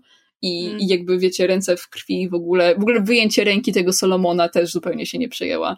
E, więc, więc jakby naprawdę cie, ciekawy moment, jakby ona, ona, gdyby była seria książek o niej, to myślę, że ta jej taka, taka dzika i taka bardziej brutalna strona to mogło być coś, co bardzo ciekawie mogłoby być jakby eksplorowane. Bo, bo ona, ona jest taką buntowniczką właśnie, chociaż ten film tak za bardzo nie tyka tego, tego wątku. Ale w sumie to jest ciekawe, bo tak, jak, tak zaczęłam teraz myśleć i w sumie ty, Ania, słusznie zauważyłaś, że to jest mimo wszystko um, um, film dość jakby pokazujący patriarchat i, i kobiety nie, mimo wszystko nie są może na pierwszym planie, mimo że próbują. Ale jak się nad tym zastanowić, nad tym, jak się film kończy? Mhm. Film się kończy tym, że bohaterka mieszka sobie sama w lesie, jest super szczęśliwa, sama ze sobą i spędza ze, ze, ze sobą czas, a czasem raz na jakiś czas przychodzi do niej jej chłopak, który jest wilkołakiem. And like, that's the life! Nie wiadomo, czy jest szczęśliwa, bo film to bardzo, bardzo pomija. Jakby ona jest powiedziane, że ona musiała i tak opuścić wioskę, bo po pierwsze ma dziecko i nie wiadomo z kim, więc to jest w oczywisty sposób już to ją troszeczkę odcina od, od reszty wioski, bo wyobrażam sobie, że, że to jest potępiające. Czekaj, ona sensie... ma dziecko? No tak. Ona ma Ostat... na... A, ona na koniec ma dziecko. Tak, tak. To, wiesz, to było trzy sekundy. Jeśli mrugnęłaś, to może nie zauważyłaś tego w tamtym momencie. E, no ale ma dziecko z tym Peterem, plus cała wioska uznała ją za wiedźmę. I wiadomo, że, w sensie nie wiadomo, czy oni wiedzą, że to jest nieprawda ostatecznie, ale i tak nie może mieszkać w wiosce, więc nie wiadomo, na ile szczęśliwe to jest, ale ona jest chyba szczęśliwa, bo wiemy, że ona mega kochała tego Petera, więc w jakiś sposób się zgodziła na to życie. Nie, ale wiesz co, biorąc pod uwagę, że ona chciała być w jakiś sposób samodzielna i, i żyć jakby na swoich E, zasadach z Peterem i chciała się wyrwać spod kontroli rodziców i poniekąd z tej wioski, która przy byle okazji potraktowała ją ja wiedźmę, ja bym zaryzykowała twierdzenie, że tak, że bohaterka jakby kończy ten film szczęśliwa, żyjąc na swoich mhm. zasadach tak, jak ona chce. Owszem, pod, yy, biorąc pod uwagę nominalnie czasy, w których się to rozgrywa, nadal pod groźbą bycia oskarżoną o bycie wiedźmą i spalenie na stosie, mhm. ale hej, żyje po swojemu. No. Zresztą jak jej babcia, bo w sumie no, zajęła, zajęła chatkę, mm -hmm. w której mieszkała. I w ogóle co do babci, była tam ta fajna scena, w sensie, nie wiem czy fajna, ale podobała mi się, mogłaby być lepsza, ale zastanawiałam się, jak zrealizują ten, e, wiecie, kultowy cytat, kultowy cytat z kapturka, pod yeah. babcią masz takie duże oczy. I jakby dobrze, że nie zrobili tego na serio, dobrze, że zrobili to jako taki surrealistyczny, wiecie, sen w gorączce i, i w ogóle. I, bo jakby zrobili to na serio, to by było bardzo kiczowate. Tutaj nadal wyszło trochę kiczowate, ale można to zrzucić na to, że okej, okay, to jest sensne, są dziwne. Znaczy, Więc, Kamil, tak. Kamil się właśnie strasznie śmiał z tego, że o, oni bardzo chcieli to wrzucić do tego filmu i jedyny Musieli. sposób, który wymyślili, żeby to miało chociaż trochę ręce i nogi, to jest zrobić z tego dream sequence. Ale słuchaj, dobrze, że to zrobili. Tak samo, wiesz, to tak samo z tą czerwoną peleryną. Mnie zupełnie ta czerwona peleryna nie, obchodzi, nie obchodziła w tym filmie i nie Ale była zupełnie istotna. Tego filmu. No właśnie, no dziewczyna w czerwonej pelerynie. E, mogą ją mieć od początku filmu w takim razie. E, ale, ale jakby ja rozumiem jakby z perspektywy nastolatki, która to ogląda i widzi ten biały śnieg i te czarne drzewa i ta czerwona peleryna, to jest ta estetyka, to jest te, te kolory idealne. Takie w sumie no to, jest, to, to, jest właśnie ten plakat, który Kamil zobaczył i stwierdził, o tak, to będzie głupie. Tak, Oglądamy. Dokładnie. W ogóle co do tych w ogóle ujęć takich, jest ta scena, jak, jak ten wilk właśnie tam jej daje wizję, że uciekniemy razem i ona sobie Petera tam wyobraża. I potem ta scena e, się powtarza z tym, jak um, chyba już w sumie na sam koniec, na, czy nawet na napisach końcowych, e, że oni, wiecie, idą przez góry i ta peleryna jest taka super długa i tak mm. powiewa na, na wietrze. Czy wy oglądaliście Czasem Słońce, czasem deszcz? Taki bollywoodzki Nie. film, cztery godziny. Nie. Tam jest to słuchajcie, musicie obejrzeć, musimy to sobie umówić, uwielbiam ten film. E, Spoko, znieśliśmy y, Justice League Zaka Snydera 4 godziny, zniesiemy bollywoodzki film. Zdecydowanie. Ja, Tam... Na pewno lepiej to zniosę. Słuchajcie, bo Bollywood ma tendencję, że jak rozpoczyna się piosenka, to przynosimy się do innego świata e, i po prostu mamy super, wiecie, zwiewne ubrania, które łopoczą na wietrze. Pomijając fakt, że Bollywood też zakłada, że wiatr jak najbardziej może wiać w każdej scenie, nawet w zamkniętym pokoju. To nie jest dla nas problem. Włosy muszą być rozwiane. To właśnie ta sekwencja mi tak przypomniała właśnie jakieś takie Bollywoody. Spodziewałam się, że, że zaczną śpiewać. E, no ale nadal to jest, to jest takie, wiecie, granie, granie pod, pod estetykę. Tak, e... znaczy to, to, to te, te, ujęcia, kiedy, kiedy oni idą po tym zboczu, zaśnieżonym zboczu górskim, on jest ubrany cały na czarno, a ona z tym długim, czerwonym trenem, to ja miałam mhm. takie hashtag estetyk. Po prostu Ta, no to jest tylko i wyłącznie dlatego. Ja na pewno to widziałam na Tumblerze już tysiąc razy i nawet nie wiedziałam, że to jest z tego filmu. E, jeszcze, jeszcze parę rzeczy. E, ta walka z ojcem na końcu. E, oprócz tego, że mi nie podobało się, jak, jak, on, jak on wytłumaczył wszystko Walerii, w sensie zrobił takie podsumowanie i wytłumaczenie tam swoich racji i Tutaj tego, jest że... mój biznesplan. Tak, jakby, że no wkurzyłem się, tak, dowiedziałem się o tej, o tej matce. W sensie, wiecie co, ten film też mógłby być ciekawy, gdyby ten film się dział z perspektywy ojca i jakby my od samego początku wiemy, że ojciec jest wilkiem.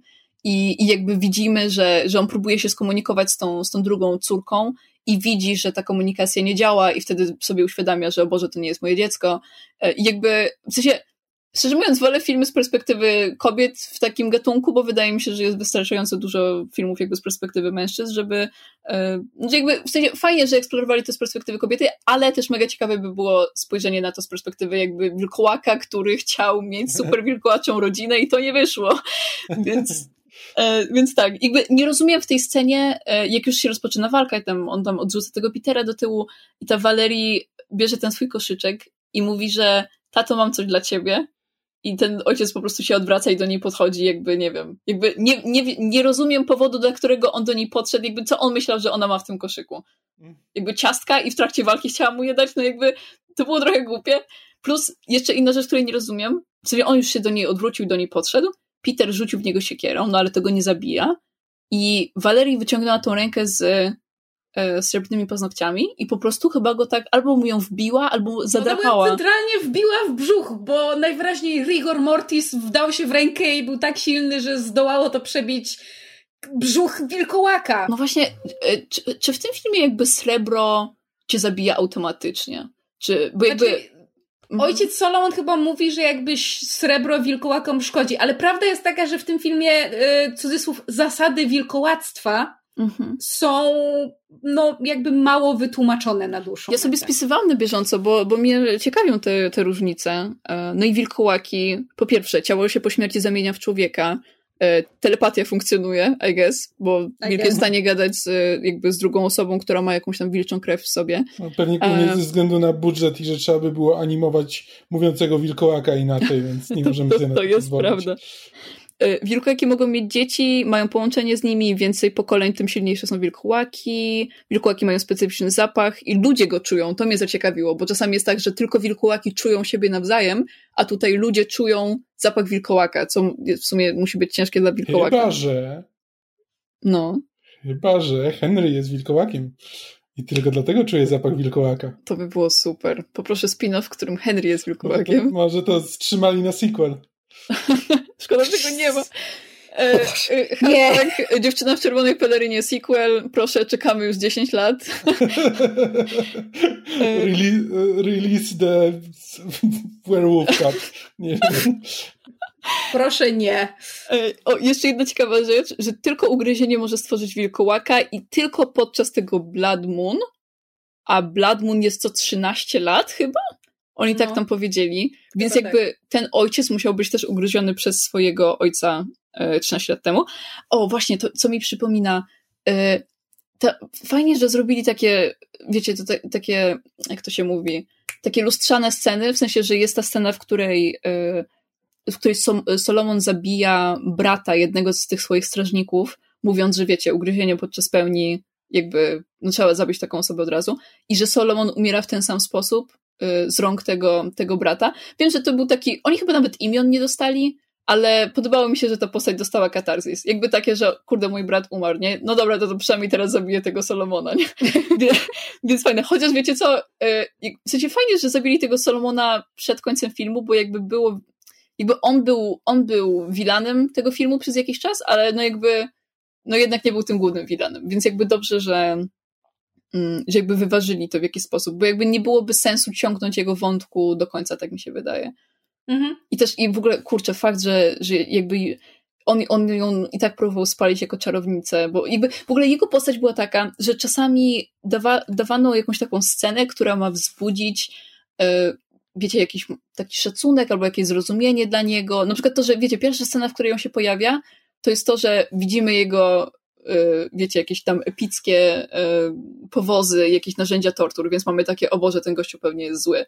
Druga scena to jest to, jak on rozmawia ze swoimi dziećmi i je uspokaja i jest dla nich miły i mówi, że no, że znajdziemy zabójcy waszej matki, inne takie. I jakby oni tak skaczą między tym, czy w sensie to jest bardzo, wiadomo, że Solomon jest mega manipulacyjną osobą, ale jakby próbuje, jakby film próbuje ci zasugerować, że ej, może jednak on ma rację, a potem pokazuje, nie, on zdecydowanie nie ma racji i jakby skacze tak między tym i, i podoba mi się to w jakiś sposób. W sensie było widać, że wiecie, że bestia nie jest największym problemem tego miasta. Tylko mhm. po przyprowadzeniu Solomona, to Solomon jest największym problemem tego miasta, a miał niby rozwiązać problem, który, e, który to miasto dręczy, albo wioskę w sumie, bo to mniejsze niż miasto. Mm. Dobrze, czy masz coś jeszcze w tych swoich um, ogromnych notatkach, czy przechodzimy do kolejnego filmu? Tylko co do końcówki. E, a właśnie, e, zapisałam sobie, że powinni dać Walerii miecz, Zamiast tego, że bo jakby ona ma tą, tą rękę ze, ze srebrnymi paznokciami, czyli I guess jakiekolwiek dotknięcie srebra cię zabija, w sensie wbicie srebra, bo jakby wątpię, czy tylko paznokcie by go zabiły. No chyba, że ta siekiera zrobiła robotę. No ale myślałam, że od siekiery się regenerujesz w jakiś sposób. Chociaż to nie było w sumie powiedziane, czy jest regeneracja u wilkołaków, ale za założyłam, że jest, bo zazwyczaj są u wilkołaków. Aczkolwiek Valerii powinna mieć srebrny miecz, bo Solomon powiedział, że ma jeden, i nawet ten ksiądz pod, podkreślił to, że o Boże, to jest srebrny miecz. I miałam nadzieję, że Valerii po prostu wyciągnie ten srebrny miecz i go nim przykuje. To A rzeczywiście, ten miecz nie wraca. No właśnie, w ogóle. Um, I co tam jeszcze? E, a, i że moim zdaniem ugryzienie Petera na koniec było bez sensu i popsuło zakończenie, bo musieli tyle uzasadnień władować w samą końcówkę, że o Boże, ja zostałem ugryzio- ugryziony i że zamienię się zaraz tutaj, jak, jak tylko zejdzie słońce. Ej, dobra, to prześpimy się z sobą ten jeszcze jeden ostatni raz, zanim staniesz się wilkołakiem i uciekniesz z wioski. Okej, okay, spoko, spoko. I jakby musieli to wszystko skondensować w jakieś po prostu, no nie wiem, 5-10 minut, więc przez to bardzo przyspieszyła ta fabuła i ona stała się bardzo young adult w tamtym momencie. Jakby no. po, poszli we wszystkie jakby sztampowe rzeczy, które mogli zrobić, e, a mogli po prostu skończyć na scenie topienia tego ojca. Po prostu e, wkładanie tych, bo ta lokacja w ogóle była śliczna. Ten, e, to jezioro mhm. i, i takie molo i na tym molo były pozawieszane pęczki lawendy i wszystko było w takich pastelowych, ładnych kolorach. Mogli zakończyć na tym. Mogli po prostu zakończyć na scenie, jak jakby Valerii musi, jakby chowa swojego ojca i jest świadomość, że będzie musiała wrócić do wioski i jakby żyć nadal z tym wszystkim, co się przydarzyło. E, z, jakby wiesz, obciążona świadomością historii swojej, Ale... swojej rodziny. Ale gdzie w tym jest te tragic love story, które musimy mieć? Gdzie jest angst? Gdzie jest cierpienie? No właśnie, więc po prostu Henry powinien być wilkołakiem. Ten film byłby lepszy. Ja nie wiem, czy byłby lepszy, ale byłby na pewno inny. E, no, jeszcze jedno, mam jedno, ale to jest, to jest w sumie e, głupia uwaga, ale to, że ostatnie ujęcie w filmie, to gdzie ona się odwraca z tym dzieckiem, jest za bardzo przesunięte w lewo, tak że po prostu oni byli na samym skraju kadru. Także jakby naprawdę, ja, mo, może to coś z moją przeglądarką było nie tak, ale ona była tak blisko krawędzi kadru, że, że reszta ujęcia była po prostu znaczy, jakby tym lasem. Coś, coś tym musi być, skoro myśmy przegapili to, że ona ma dziecko. To znaczy, że rzeczywiście znaczy, się Co do tego dziecka, ja ja jestem prawie pewna, że są dwa zakończenia filmu i dziecko jest w alternatywnym zakończeniu. Hmm. Że, w jednym, że w jednym zakończeniu nie mamy pokazane, że ona ma dziecko. Że jakby mamy pokazane, że Peter wraca i ona się do niego uśmiecha i to jest koniec, a jest alternatywne zakończenie, w którym mamy pokazane przez moment, że mają, że Valerie stoi z, z mm, dziewczynką. Tak. Ej, wiecie co, e, słuchacze, dajcie, dajcie znać w komentarzu, czy, czy widzieliście którąś z tych wersji, bo to jest możliwe. ma dziecko. Tak. Hashtag, czy Valerie ma dziecko. Release the Valerie. Dziecko Phantom. E, I to chyba wszystkie uwagi, jakie mam do tego. E, po, jeszcze, mam, jeszcze mam zapisane, że jest jedno ujęcie na miasto, kiedy e, Solomon wjeżdża ze swoją świtą, która wygląda jak miniaturka do Dungeons and Dragons. Po prostu wszystko jest takie malutkie. Potem wam, wam to pokażę. I to w sumie wszystko, co mam do powiedzenia na temat, na temat tego. Dobrze, to w takim razie przechodzimy płynnie niniejszym do drugiego naszego filmu, czyli Przeklętej. Filmu starszego niż Dziewczyna w czerwonej pelerynie, bo z 2005 roku. Mhm. E, I mam wrażenie, że te różnice mm, czuć. Mhm. Bo to jest film, który jest, um, rzekłabym, bardzo w stylu późne lata 90., wczesne 2000. Mhm. I jeżeli ktoś oglądał um, przede wszystkim inne filmy Wesa Cravena, który jest reżyserem Przeklętej, a po drugie jego współpracę z e, scenarzystą Kevinem Williamsonem, czyli serię Krzyk, to może mieć niejakie wyczucie, jakby jakim filmem jest Przeklęta, bo to jest film, który wykorzystuje pewne tropy o wilkołakach, ale trochę nie na poważnie, trochę z takim meta przymrużeniem oka i mruganiem, mruganiem do widza.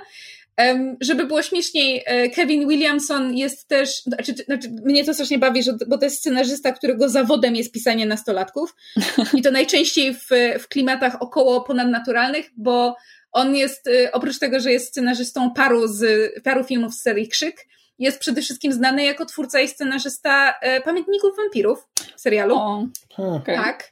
A poza tym przede wszystkim jest znany jako scenarzysta serialu e, teen drama bez żadnych ponadnaturalnych wątków Jezioro Marzeń, Dawson's Creek.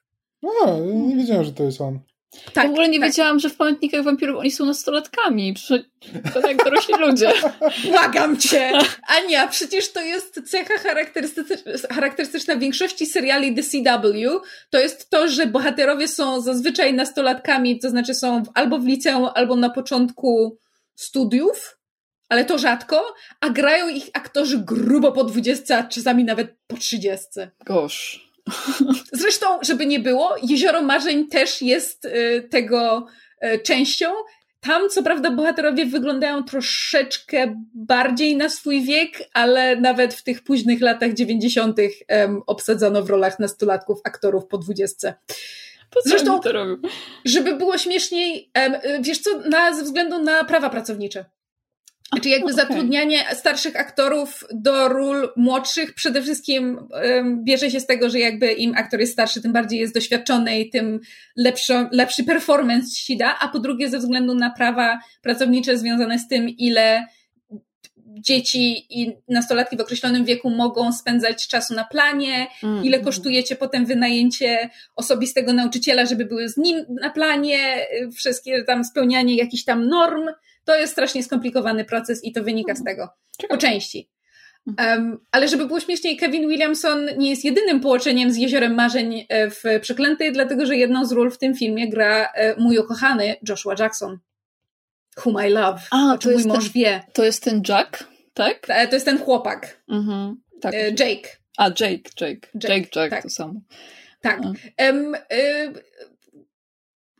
nie da się przy tym filmie nie wspomnieć, że producentami byli bracia Weinstein. A mianowicie o, nie da się o tym wspomnieć z tego względu, w ogóle, bo słuchajcie, ja ten film lubię. Ja go obejrzałam parę lat po tym, jak on wyszedł na, na DVD e, i pamiętałam, że kiedy ten film wyszedł, miał okropne recenzje i siadałam trochę do seansu z takim, a obejrzę sobie beznadziejny film, to nie będę się tak bała. Ja na tamtym etapie jeszcze bałam się oglądać horrory i wolałam właśnie takie filmy, które nie były przekonujące. W sensie na przykład właśnie były tak złe albo tak głupie, że nie byłam w stanie ich kupić, bo wtedy się tak nie bałam. Ten strach mhm. nie był dla mnie tak realny. I obejrzałam te przeklęte i miałam takie, kurde, przecież to jest bardzo mm, sprawnie zrealizowany, dowcipny film, który nie traktuje się serio i, i, i fajnie te wilkołaki pokazuje. Ale potem się dowiedziałam, że ten film powstawał w strasznych bólach. To znaczy, ten film, który my ostatecznie obejrzeliśmy, przede wszystkim jest, um, ma rating PG-13, czyli jakby tam um, od lat 13. Mhm. A on w domyśle miał mieć rating R, czyli ten restricted, czyli jakby dla dorosłych, czy tam dla, dla pełnoletnich widzów. Um, to po pierwsze. Po drugie, oni nakręcili 90% filmu według oryginalnego scenariusza, a potem się rzeczy wykopyrtnęły i um, ostatecznie wszystko wylądowało na podłodze. Oni nakręcili nowy film według nowego scenariusza z częściowo nowymi aktorami, to znaczy na przykład Joshua Jackson był, był nowym dodatkiem. W oryginalnej wersji scenariusza Christina Ricci i Jesse Eisenberg, którzy w filmie grają rodzeństwo, w oryginalnym scenariuszu oni nie grali rodzeństwa. Hmm. A kogo? Trójka głównych bohaterów po prostu była ludźmi, którzy się poznają w wyniku wypadku na drodze, gdzie zostają chyba właśnie pogryzieni przez wilkołaka i muszą sobie z tym jakoś poradzić i przez to się poznają, a nie mamy wątku rodzeństwa. A w ogóle jak nakręcili tę drugą wersję filmu, to y, Bob Weinstein im powiedział, że y, im się nie podoba finał i muszą nakręcić nowy finał, więc nakręcili jakby jeszcze trzecią wersję filmu, bo, bo z nowym finałem, a potem firma producentka, e, producencka um, um, stwierdziła, że oni chcą ten film wydać w ratingu PG-13, a nie w ratingu R, więc pocięli film jeszcze czwarty raz, więc tak naprawdę to jest czwarta wersja tego oh, filmu. I nic dziwnego, że on się momentami kompletnie nie klei i tak jest trochę od sasa do lasa pod względem um, nastawienia i klimatu ale ja mimo tego bardzo lubię. Y, y, y, jestem ciekawa, dlaczego aż tak bardzo im zależało na cięciu tego filmu. W sensie, wiecie, wydaje się, że tak trochę szkoda zachodu, bo rozumiem jeszcze jakiegoś tam, wiecie, Zack Snyder i, i, te wszystkie tematy związane z tym, tam jest jakaś wizja autorska, artystyczna i, znaczy, i to jest no, ważny film dla, dla fandomu, ale... Mówimy o filmie jakby twórców Krzyku, który jakby był no, taką e, serią... I Marzuli Wiązów. Tak, mm, no w sumie klasyki. To, to miało szansę być jakby w, przynajmniej w założeniach jakby czymś dużo, dużo większym. Tak, mm. plus jakby um, zazwyczaj powodem, który stoi za um, przycięciem filmu z y, starszego ratingu dla młodszej widowni, czy szerszej widowni, jest to, że będzie dla szerszej widowni, co oznacza, że będzie można sprzedać więcej biletów, co oznacza, że film będzie był, mógł w stanie więcej na siebie zarobić. Mhm. Um, jakby w ostatnich latach mieliśmy dowody na to, że filmy z ratingiem R e, potrafią na siebie zarobić, e, no ale jakby studio um, i, i, i producenci um, zawsze będzie chciało zarobić na filmie jak najwięcej i jeżeli w wyniku tego muszą film e, przyciąć i wyciąć co bardziej e, krwawe czy niedozwolone momenty, to nie będą się krygować, bo dla nich ważne są pieniądze, a znaczy pieniądze przeważają nad wizją artystyczną w tym momencie. Zresztą Wes Craven podobno jest bardzo niezadowolony z, z Przeklętej, więc to nie jest tak, że tylko krytycy po nim jechali, twórca też po nim jedzie.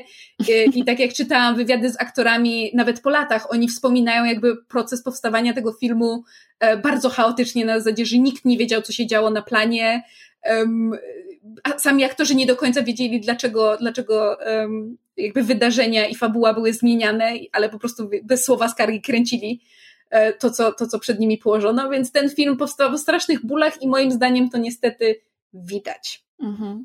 Ja nie mam porównania, chociaż e, jakby ja Myśla, myślałam, że ten film będzie mi się mniej podobać. Jak e, na początku obejrzałam sobie zwiastun i mm -hmm. jak, jak, to, jak go oglądałam, to miałam takie, czy to jest na pewno film z 2005 roku, bo on wyglądał na o wiele starszy mm -hmm. z jakiegoś powodu. Jak sobie porównywałam, bo Van Helsing był z 2004, tak? Czy też z 2005?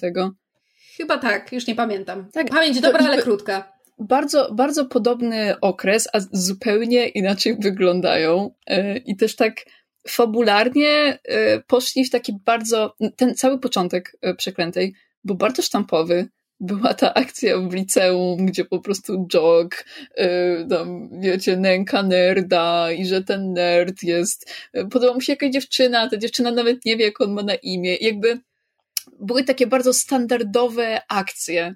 To jest wszystko moim zdaniem Kevin Williamson i, i jakby jego taka bardzo sztampowa e, maniera pisania nastolatków i fabuł o nastolatkach. Po prostu inaczej, mam wrażenie, że w formie takiej rozwleczonej jak Jezioro Marzeń czy Pamiętniki Wampirów, to, to jakby mniej się to czuje, bo jest to rozwleczone, ale w momencie, kiedy jest tak skondensowane właśnie do tych najprostszych kliszy tropów w takim filmie jak Przeklęta, mhm. to to po prostu no widać, ale ja się, ja się zastanawiam właśnie, czy czy częściowo, bo Wes Craven w ogóle jako twórca moim zdaniem ma bardzo, co, co, widać właśnie na przykład w serii Krzyk, ma bardzo specyficzne podejście i lubi moim zdaniem takie właśnie kręcenie filmów trochę nie w epoce, w której powstają, albo jako właśnie rodzaj komentarza czy odniesienia się do czegoś, co było wcześniej. I zastanawiam się, na ile specjalnie to było zrobione w Przeklętej, właśnie, żeby nakręcić film w 2005 roku, który mimo wszystko swoją konstrukcją i bohaterami i wątkami jest takim właśnie późnym, późne lata 90., co pogłębia jeszcze wrażenie, bo szkoła, w której kręcono Przeklętą jest dokładnie tym samym liceum, w którym kręcono Buffy the Vampire Slayer, co mnie strasznie roz, roz, ten, wybijało z, z rytmu, e, więc e, skojarzenia Buffy Cinematic takie... Universe no się gdzieś tam tak, dokładnie. pojawić. E, no, ale umówmy się, ten, mhm. ten, ten film jakby chociażby właśnie pod względem um, wątku tego, um, o Boże, on się nazywał Bow, Bo. czyli ten właśnie ten, ten, ten jock, ten, ten um, mięśniak, szkolny, szkolny bully, który się znęca nad, nad, nad Jimmym, czyli nad bratem głównej bohaterki um, i, i um, przysywa go i um, oskarża go o to, że jest gejem i y, robi różnego rodzaju brzydkie odzywki pod, y, pod tym kątem, a na, znaczy na koniec w pewnym momencie się okazuje, że to jest wszystko dlatego, że on jest sam jest gejem, który jest w szafie i w ten sposób jakby y, wyżywa swoją frustrację i, i, i to jest jego przykrywka.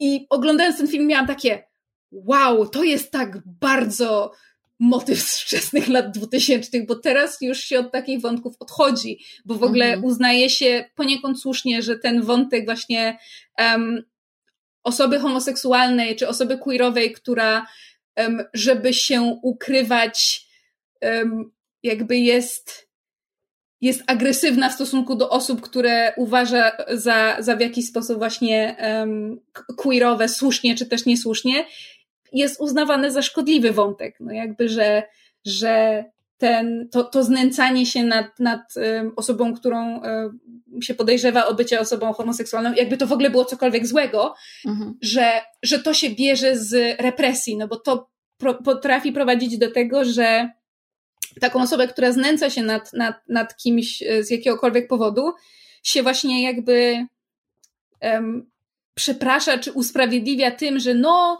ale ona sama może taka być. A to jakby mhm. to nie jest, to nie tak. jest wymówka. Jakby to, to że ktoś ci zrobił krzywdę, to nie jest powód, żeby innym robić krzywdę na tym samym tle. Wręcz przeciwnie. Mhm. Więc to jest, mam wrażenie, taki bardzo typowy wątek dla filmów z tamtego okresu, którego współcześnie byśmy już um, nie uświadczyli. Miejmy nadzieję, tak, miejmy nadzieję nie uświadczyli, albo przynajmniej widuję, że się od tego odchodzi, bo widzowie są na to wyczuleni i, i, i wiedzą, że to jest szkodliwe na dłuższą metę. Mhm. Ja, ja, myślę, że ten wątek dałoby się lepiej rozegrać. E, bardzo często to sobie mówię przy takich filmach, bo, e, bo czasami się wydaje, jakby, hmm, czasami się wydaje, że nie lepiej, jakby gorzej jest coś usunąć, tylko lepiej to napisać w inny sposób. Chociaż, no ten, bo mi się, mi się postać tego Bo podobała, e, ale wiecie co, czuję, że zanim się rozgadam na jego temat, to muszę wrócić do jakby fabuły tego filmu, bo ja mam bardzo dużo opinii na temat tego Bow. Ja nawet sprawdziłam, czy są fanfiction o nim na internecie. I są. Jest ich 17. Wow. Jej! Moje, moje serduszko tej shiperki, która, która ma mało fin, fanfików o swoich ulubionych shipach, to, to czuje więź z osobami, które napisały fanfiki o Bow. Tak, więc do tego jeszcze wrócimy. Justice for Bow. Bo Justice, hashtag był... Słuchajcie, tyle hashtagów wypuścimy po tym odcinku po prostu. O matko, ja przepraszam, właśnie z, ogląd- e, patrzyłem na Wikipedię tego filmu i e, jest na Twitterze w tym momencie hashtag release the Craven Cut. Oh. się domagają tego oryginalnego filmu. E, no, powodzenia, powodzenia. Nie, ty się śmiejesz. Ja czytałam wywiad z Łysym Cravenem, gdzie on mówił, że w czasach, kiedy kręcono um, te filmy, wszystkie dailies, czyli jakby wszystkie, ca cały materiał z danego dnia był nagrywany na płyty. I on te płyty ma. O! Mm. Tak, i on nawet, on nawet spekulował, że, że co do wypuszczenia filmu to nie wie, ale myślał nad tym, czy w ramach kursów dla młodych filmowców nie robić takiego ćwiczenia, że daje swoim studentom właśnie całe fragmenty z tych dailies i mówi im, przytnijcie to po swojemu, zróbcie Aha. z tego własną wersję i Fajne można by, wiesz, zobaczyć na przykład 10 różnych wersji tej, tych samych, nie wiem, scen czy tej samej historii, każda przycięta przez inną osobę z inną jakby wrażliwością, z innym nastawieniem, inną historią się rozgrywającą. Bardzo mi się to podobało. Kurczę, fajny pomysł. No. I teraz bardzo chcę to obejrzeć. Release the Craven Cut. Release the Craven Cut. Tytuł odcinka. E, Okej, okay. generalnie e, mam jeszcze taką myśl, że ten film mi się podobał pod względem ilości informacji o wilkołakach, jakie nam tutaj e, włożyli, bo, e, bo jakby dziewczyna w czerwonej pederynie, ona, ona dawała takie hinty na to, jak działają wilkołaki, ale tutaj podawali bardzo konkretne rzeczy, choćby to, że jak stajesz się wilkołakiem, to masz jakby takie stygmaty, powiedz, nazwijmy to, mm, e, tak. pię pięciokątne, pentagramowe i że one się, i że to jest znak bestii w ogóle, I, I że poczekaj, ja nawet mam całą listę tutaj, co się, że, co się ja, dzieje, jak moim, wilkołakiem. Ja tylko chciałem powiedzieć, jaki mój ulubiony element dodany do loru wilkołaków to jest to, że oprócz tego, że żeby zostać wilkołakiem, musicie ugryźć wilkołak, jest jeszcze taki sposób, że ty możesz ugryźć wilkołaka. Tak, tak. To jest, to jest ciekawe. Zupełnie się, jakby ja nie ogarniałam, dlaczego ten pies stał się wilkołakiem w pewnym momencie. To było takie, tak, właśnie to było takie głupie na zasadzie i, wiesz, po, i powiedzieli ni stąd, ni zowąd, no daj, no, ugryzł wilkołaka, więc stał się wilkołakiem. Co? Czyli jakby, czy to przychodzi, przychodzi przez krew w takim razie? Przez nie zęby wiem. najwidoczniej. Krew, przez zęby. krew plus ślina. Przez, przez jakiekolwiek zęby. Znaczy, ale wiecie co, nie czekaj, bo, bo ja muszę to poruszyć. Um, um, moim zdaniem to wcale nie jest głupie i moim zdaniem ten film um, w pewnym sensie sugeruje, że, że dowolne płyny ustrojowe Um, że, że, tak powiem, mogą um, sprawić, że zostaniesz wilkołakiem, dlatego, że kiedy pod koniec filmu ta, um, jak ona się nazywa, Joni, ta, ta, ta, ta wilkołaczyca, nie ma czegoś takiego nam, jak bezpieczny seks z wilkołakiem. Tak, ona mówi Aha. właśnie, że nie ma czegoś takiego jak bezpieczny seks z wilkołakiem. Ona co prawda parę zdań wcześniej chyba mówi coś a propos tego, że it got rough, czy, czy że... Tak, bo to... Mam wrażenie, że jest zasugerowane, że ktoś kogoś mógł skubnąć w ramach tak, miłosnych tutaj nawet samo chyba zadrapanie już wystarczy. Bo... Tak, Nieważne, ale w każdym razie Bo to, oni, to, to oni zdanie... na początku, ta dwójka była tylko zadrapana. Jimmy został zadrapany, a chyba e, Ellie została ugryziona, z tego co pamiętam. Chyba w rękę. Chyba tak, coś takiego. No w każdym razie, ale to takie bardzo konkretne zdanie pod tytułem, że nie ma czegoś takiego jak bezpieczny seks z wilkołakiem, zawsze było dla mnie sugestią, że y, dowolne płyny ustrojowe wchodzą w grę, więc tak, przed, y, podczas seksu z wilkołakiem należy się zabezpieczać. In more ways than one. Mam tutaj zapisane, że jeszcze psy się ciebie bolą, boją. Masz super refleksy, masz super siłę i wzmocnione zmysły, chociaż to jest jakby popularne u, wilkołaków. Mhm. Chociaż to, że psy się ciebie boją, to, to jest nieoczywiste jak dla mnie. Nie, jakby rzadko kiedy widziałam takie, żeby, żeby psy się ciebie bały. Chociaż jakby może, że, że zwierzęta są jakoś zaniepokojone twoją... Tak, tak, e... wyczuwają twoją mhm. ten y, silną aurę alfa. Tak, właśnie, bo słuchajcie, ten film tam jest kanonem to, że jest coś takiego jak jakby, wiecie, osobnik alfa, bo w tym w pewnym momencie chłopak tej Eli y, mówi temu Jimiemu, że sorry, że ja jestem już alfą w tym stadzie, nie? Ja tak, I'm okay, the alpha now. Czyli tutaj to jest y, in the alpha, beta, omega universe w takim razie. O nie! E, plus, plus słuchajcie, jest jeszcze, bo słuchajcie, przemiany u Eli, u tego Jimiego wyglądają w zupełnie inny sposób, co by sugerowało, że, że ta Eli może być właśnie tą omegą, ponieważ ludzie czuli jej jakby seksualną aurę. I to było bardzo cały czas podkreślane w tym filmie. Ale teoretycznie Jimiego też, dlatego mhm. że, że jest to zasugerowane, znaczy on to mówi wprost temu Bow na zasadzie, że nie, nie, to nie jest tak, że ja ci się tobie, że, że, ty jesteś gejem i ja się tobie podobam, tylko ja mam taki zwierzęcy magnetyzm mhm. i dlatego myślisz, że ja cię pociągam. Może on też jest omegą. E, fanficek ma to sens. Nie, wycofajmy się z tego bardzo e, szybko, bo to nigdy skończy. Nigdy, ja mam tyle teorii na ten temat. E, Sprawiedliwość dla Omegaverse. Hashtag. E, o, żeby zabić wilkołaka trzeba oddzielić głowę od ciała, a srebro tylko rani, w sensie srebro tylko boli wilkołaków, więc to, to też ciekawy wątek, ale w sumie nie, nie tyle, że trzeba oddzielić głowę od ciała, tylko chyba zniszczyć mózg, bo oni w pewnym momencie, jak zabili Joni, to po prostu ona została postrzelona w mózg. Mam wrażenie, że to jest podobna zasada, co przy zombie, czyli jakby ale trzeba oddzielić mózg od... Co? Nie, zadziałało. Joni postrzelili w mózg, przecież oni znaleźli na koniec Joni leżącą nagą w ten, na miejscu wilkołaka. A ja myślałam, że to oznaczało, że ona umarła i się zamieniła w człowieka. No tak. Nie, ja, ja to tak. zrozumiałem tak, że, że to, że właśnie, że ona nie umarła. Mm. Umarła. Może będzie sequel z Joni. Tylko umarła, tylko się odmieniła, bo umarła. Ale w sumie w tym. Hmm, w tym filmie nie mówili, że jak umierasz jako wilkołak, to się zamieniasz w człowieka. Chociaż nie, ale to, to też jest...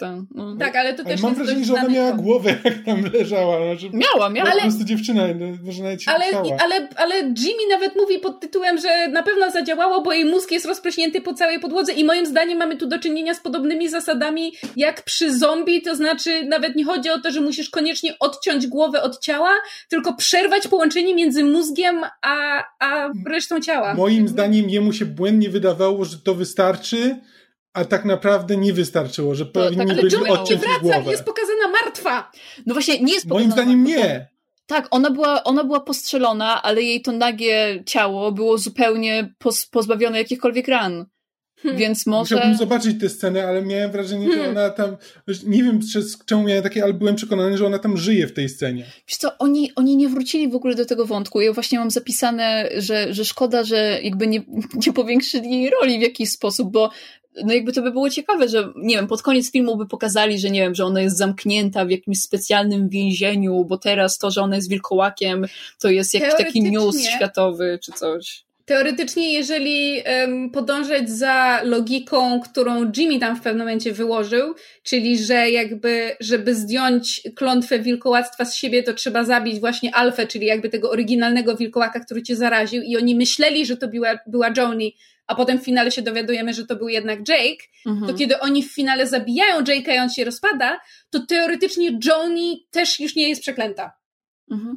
W ogóle to jest ciekawe, nie sądzicie? Że jakby jak zabijesz e, wilkołaka, który cię przemienił w wilkołaka, to tracisz klątwę. Bo zawsze mi się wydawało, że takie zasady były bardziej e, wampirze niż wilkołacze. Bo... Tak, ale mhm. one się mieszają. Zresztą ucinanie głowy nominalnie też jest bardzo wampirze. To znaczy ucięcie głowy e, inaczej. znajdywano przecież pochowanych ludzi, którzy mieli uciętą głowę położoną w nogach i czosnek włożony do, do ust, mm, bo mm. to był ludowy sposób na zapewnienie tego, żeby wampir nie wstał z trumny. O fuj. albo żeby się nie przemienić wampira po śmierci. Mhm. Zresztą na przykład jednym ze sposobów, w jaki można było się stać wilkołakiem, to jeżeli, Jezu, jak to było, że ktoś, że jeżeli wilk przebie... Co to Przeskoczy po twoim grobie? Czy co? Coś takiego, Ta, tak, że, że jakby jak, jak, jak wilk przeskoczy nad twoim grobem, to wstaniesz jako wilkołak, czy coś takiego. Więc jakby te, to jak wątki jakby wampiryzmu i wilkołactwa i co jest z czym związane i jak można zabić, a jak nie, bardzo fajnie się przez, przez wieki i przez popkulturę w ogóle przeplata i, i śledzenie tego moim zdaniem jest bardzo ciekawe. Na pewno jest na ten temat mnóstwo prac naukowych, bo to jest fascynujący temat. Musimy, musimy się w to wkręcić, bo Ale z tą żeście mi teraz dali zagwostkę. Może ona rzeczywiście nie zginęła, znaczy, Patrzę na wiki... była ranna i się w ostatniej chwili jakby odmieniła do ludzkiej postaci, żeby jakby, żeby właśnie nie zabrali jej do jakiegoś laboratorium, tylko zabrali ją do szpitala i wyleczyli. Znaczy, hmm. Znalazłem jakiś wpis na Villains Wiki to się nazywa i który mówi, że jakby zginęła na koniec tego filmu. Na Wikipedii też jak jest napisane, więc jakby mm, ale podoba mi się wasza teoria. Może w tym, y, w, w którejś z wersji tych filmów ona wcale nie umiera i to jest po prostu pozostałość po, po jednej z tych starych wersji. Skoro, skoro były cztery wersje tego filmu. Plus jakby na koniec filmu, kiedy zabijają Jake'a, to on wybucha w, wybucha w płomieniach i się spala i nie mamy żadnego śladu po jego ciele. I teraz jest pytanie, czy to się dzieje z każdym zabitym wilkołakiem, czyli to by sugerowało, że John, że John Dee nadal żyje, o, no. czy to się dzieje tylko z wilkołakiem alfa i oznacza, że klątwa z pozostałych jego, jego dzieci że tak powiem, tych, których, których ugryzł albo zadrapał, została zdjęta. Z drugiej strony to może być, teraz właśnie patrzę, to może być po prostu bardzo e, niezręczne nawiązanie do e, Wolfmana z 41 roku, bo jak czytam, nie oglądałem tego filmu, ale właśnie tak czytałem podsumowanie, żeby zobaczyć, co, że ostatnia scena tego filmu to jest właśnie martwy wilkołak przemieniający się w ludzkie ciało.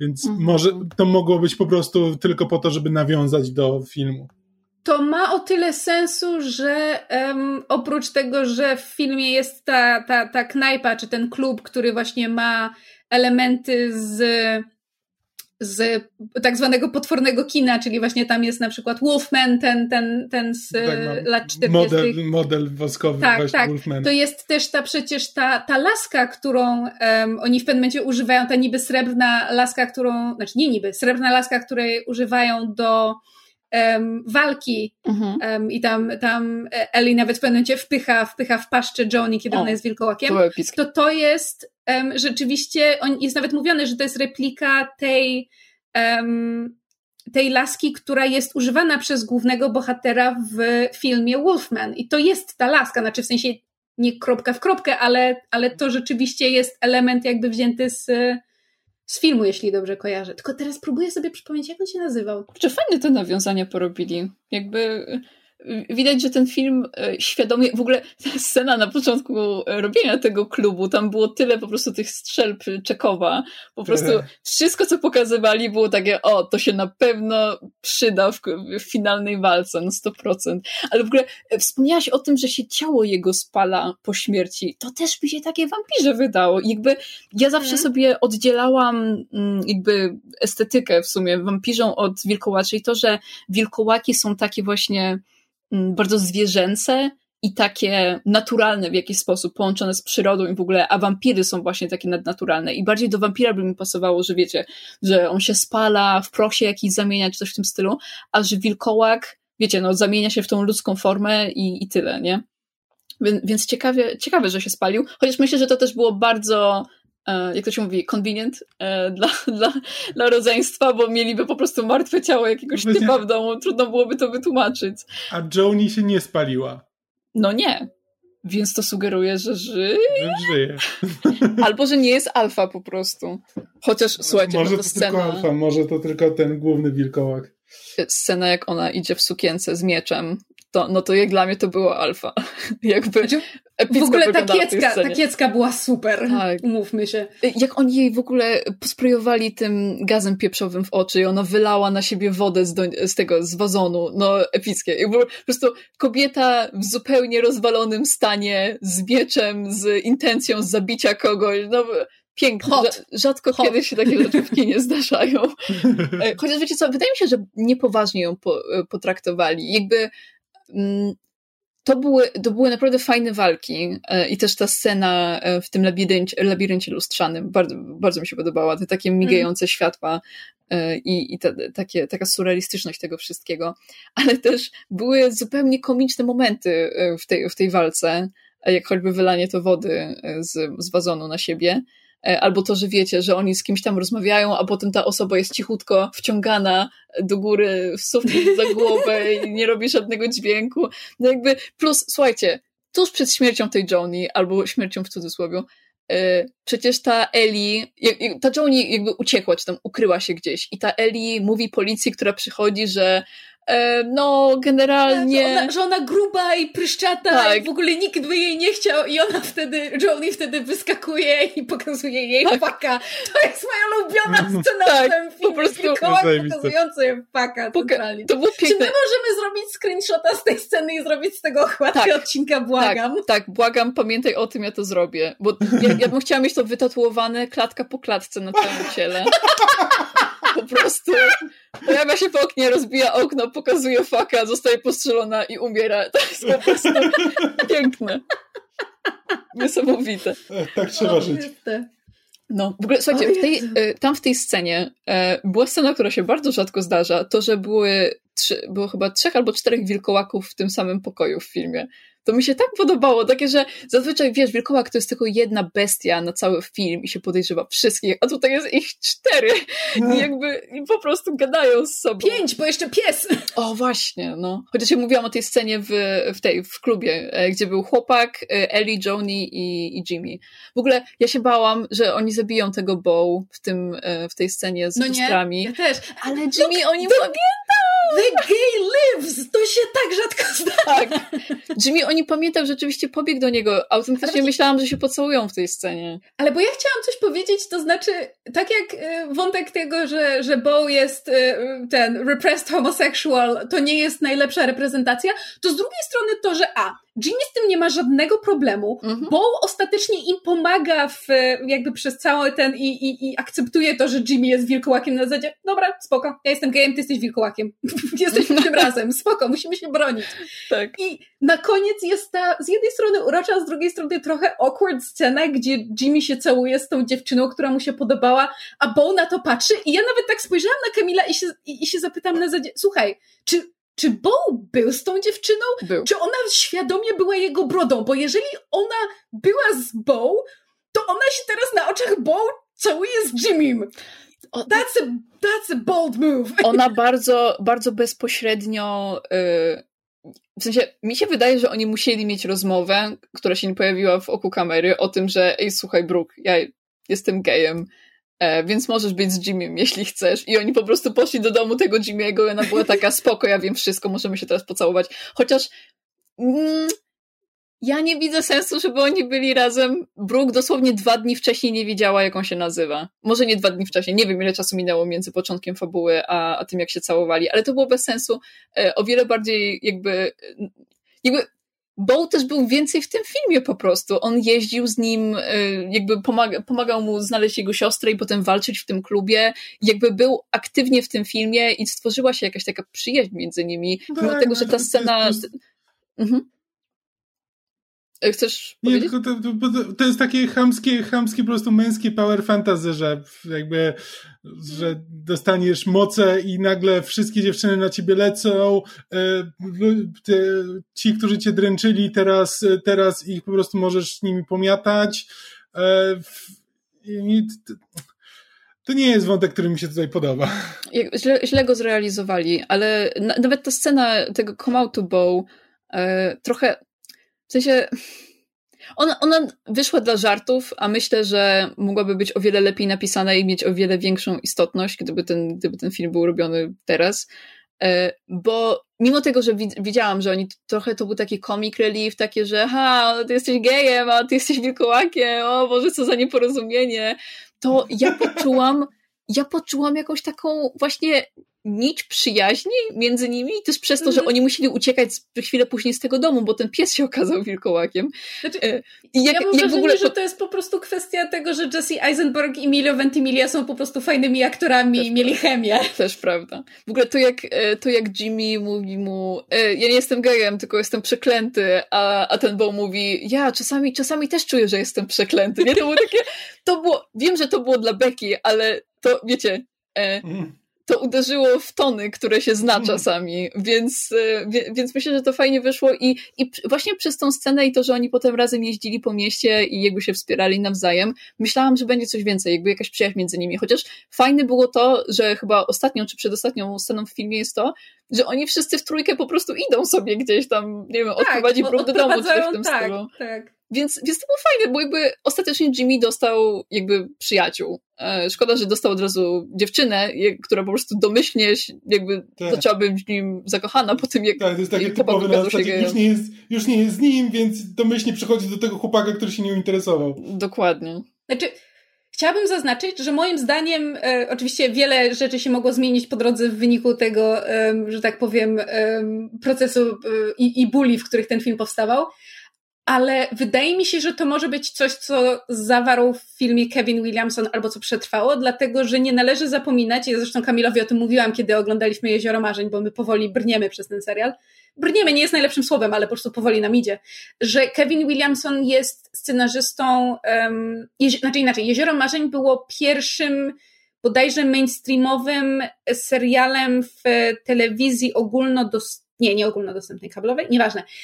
Była jednym z pierwszych homoseksualnych, e, pozytywnych, mainstreamowych postaci w tym serialu wprowadzona o, właśnie, um, więc jakby to, że, że w Przeklętej jakby ten, ten wątek jest na tyle, na ile ówczesne możliwości pozwalały pokazany dobrze, w sensie jakby pozytywnie w ich rozumieniu, nie jest dla mnie takim zaskoczeniem, co nie zmienia faktu, że, że, że miło się właśnie na to patrzy, że oni na koniec odchodzą we trójkę i wydaje się, że są BFFs. Fajnie, że ten Bow dostał coś więcej niż tylko y, bycie jokiem i potem, wiecie, come out trochę dla Becky w tym filmie. Jakby fajnie, że jakby zadbali o niego w tym filmie, jakby po całej walce Jimmy po prostu powiedział y, Bo, musimy iść pomóc Bo i jakby i była scena na, na jakby pomaganie mu.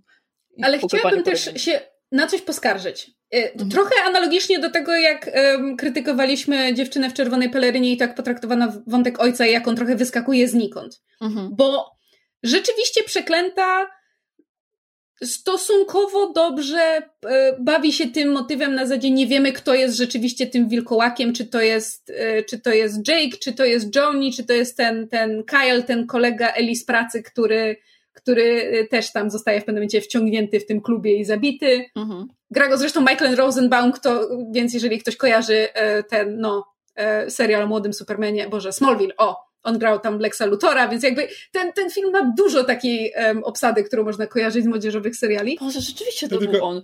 Tak. Czwarty raz podczas tego odcinka chyba mówił, wow, to była ta, osoba. Świat nie, po prostu mały. zwróciłem uwagę na to, że jakby, że, no, że ten wątek jest tak poprowadzony na tyle, na ile się dało jakby w mainstreamowym y, kinie jakby to pokazać. To jest ten sam rok, rok w którym wyszło Brokeback Mountain.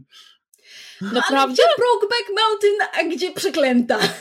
No tak, tylko że po prostu jakby... Plus, chciałabym zauważyć, że Brokeback Mountain, mimo tego, że było rewolucyjnym filmem jak na swoje czasy i nadal ma ważne miejsce w kinematografii, teraz z perspektywy czasu jest również krytykowane za pewne e, nie no, tropy i nie no, to, jak ujęło temat. Jasne, jasne, tylko że po prostu chodzi mi o to, że jakby te, te, te, ten sposób, w jaki to jest pokazane w tym filmie, jakby wydaje mi się, że to już jest na tyle późno, że nie można tego do końca usprawiedliwiać czasami. Gdyby to były lata 90., może jeszcze, ale jakby... Ale ten film cały ma trochę taki klimat, więc... Tak, no, no, ale no to nie jest usprawiedliwienie. Jasne. Mhm. E, w każdym razie, wracając do tego, co mówiłam, e, wydaje mi się, że film całkiem nieźle się, się bawi tym takim właśnie zaba zabawą w mafię, czyli kto, kto zabił. Znaczy nie kto zabił, tylko kto jest wilkołakiem.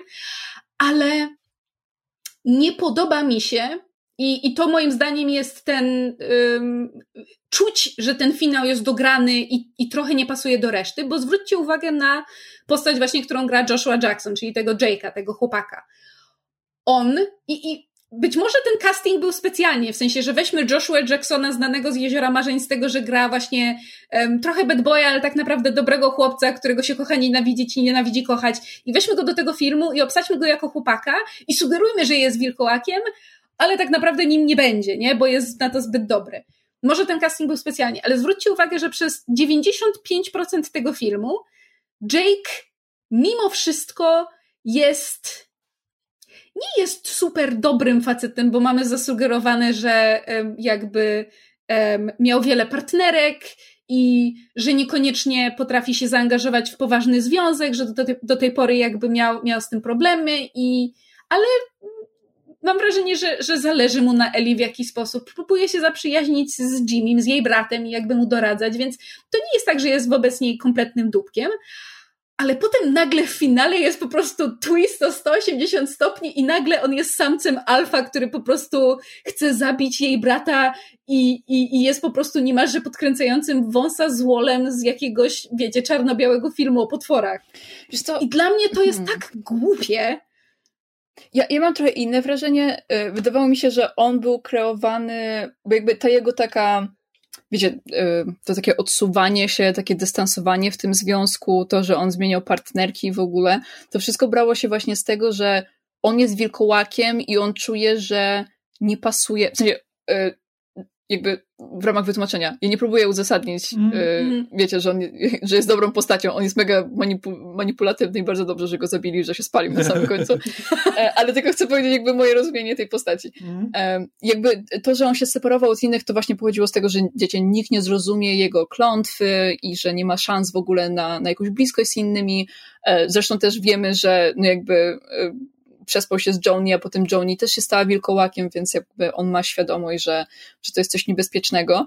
I fakt, że, że on się decyduje, żeby zbliżyć do tej Eli, mm, to w ogóle bardzo mało gadamy o Eli, jak na to, że ona jest główną bohaterką tego filmu, ale, ale do niej zaraz wrócimy.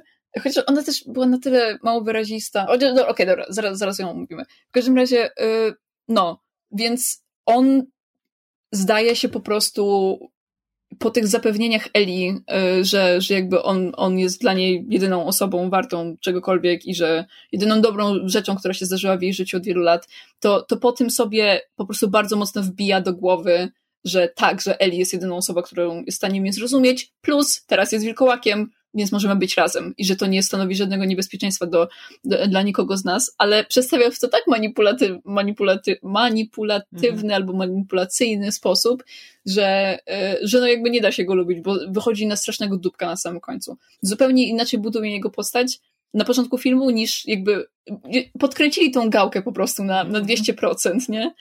Masz rację, moim zdaniem tak. Plus mnie zastanawia, bo, bo jakby nie, nie jestem do końca pewna, powiedzcie mi, jak wy to interpretujecie, czy jakby Jake. Bo Jake jest zaskoczony, kiedy się okazuje, że Johnny jest wilkołakiem. Jest zaskoczony? No i jak. Tak, znaczy mam, mam takie wrażenie, że jakby on, on się dziwi, że, że to ty, a ona mu właśnie tłumaczy na zasadzie, no najwyraźniej nie ma czegoś takiego jak bezpieczny seks z wilkołakiem.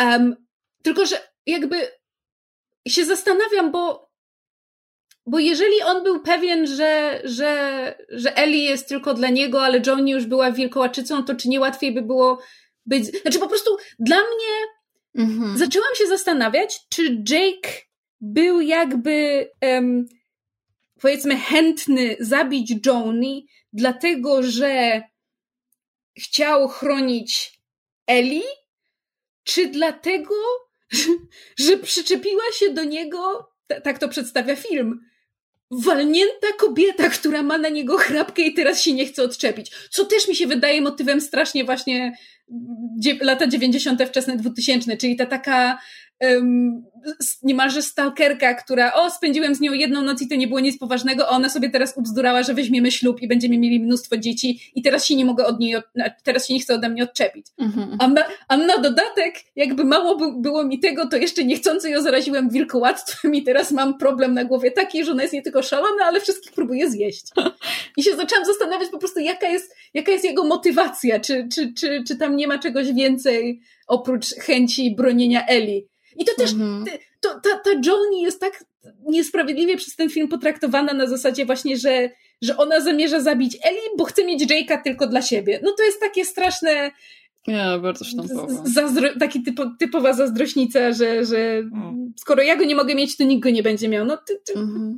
wyrośliśmy z tego już. Rzeczywiście, jakby ten, w sumie, dlaczego Jake po prostu nie mógł być z tą Joni, e, skoro ona już i tak była wilkołakiem, no ale najwidoczniej po prostu jej nie lubił tak bardzo, jak lubił Eli. Tak. Więc jakby no, ja nie teges. Gu, gu, gusta guściki, wilkołactwo, wilkołactwo, no ale wiecie, jakby, nie, nie wiem, wydaje mi się, że trochę niesprawiedliwie po, jakby potraktowali postać Joni, chociaż jakby też nie było czasu, żeby ją za bardzo rozwinąć. Um, więc, więc w sumie trudno, trudno mi powiedzieć, jak, jak lepiej mogli to zrobić. Musieliby przeorganizować ten film, żeby Joni była bardziej istotną no, postacią, no, no bo tak. ja się tak. w ogóle nie spodziewałam, że, że ona będzie tym wilkołakiem.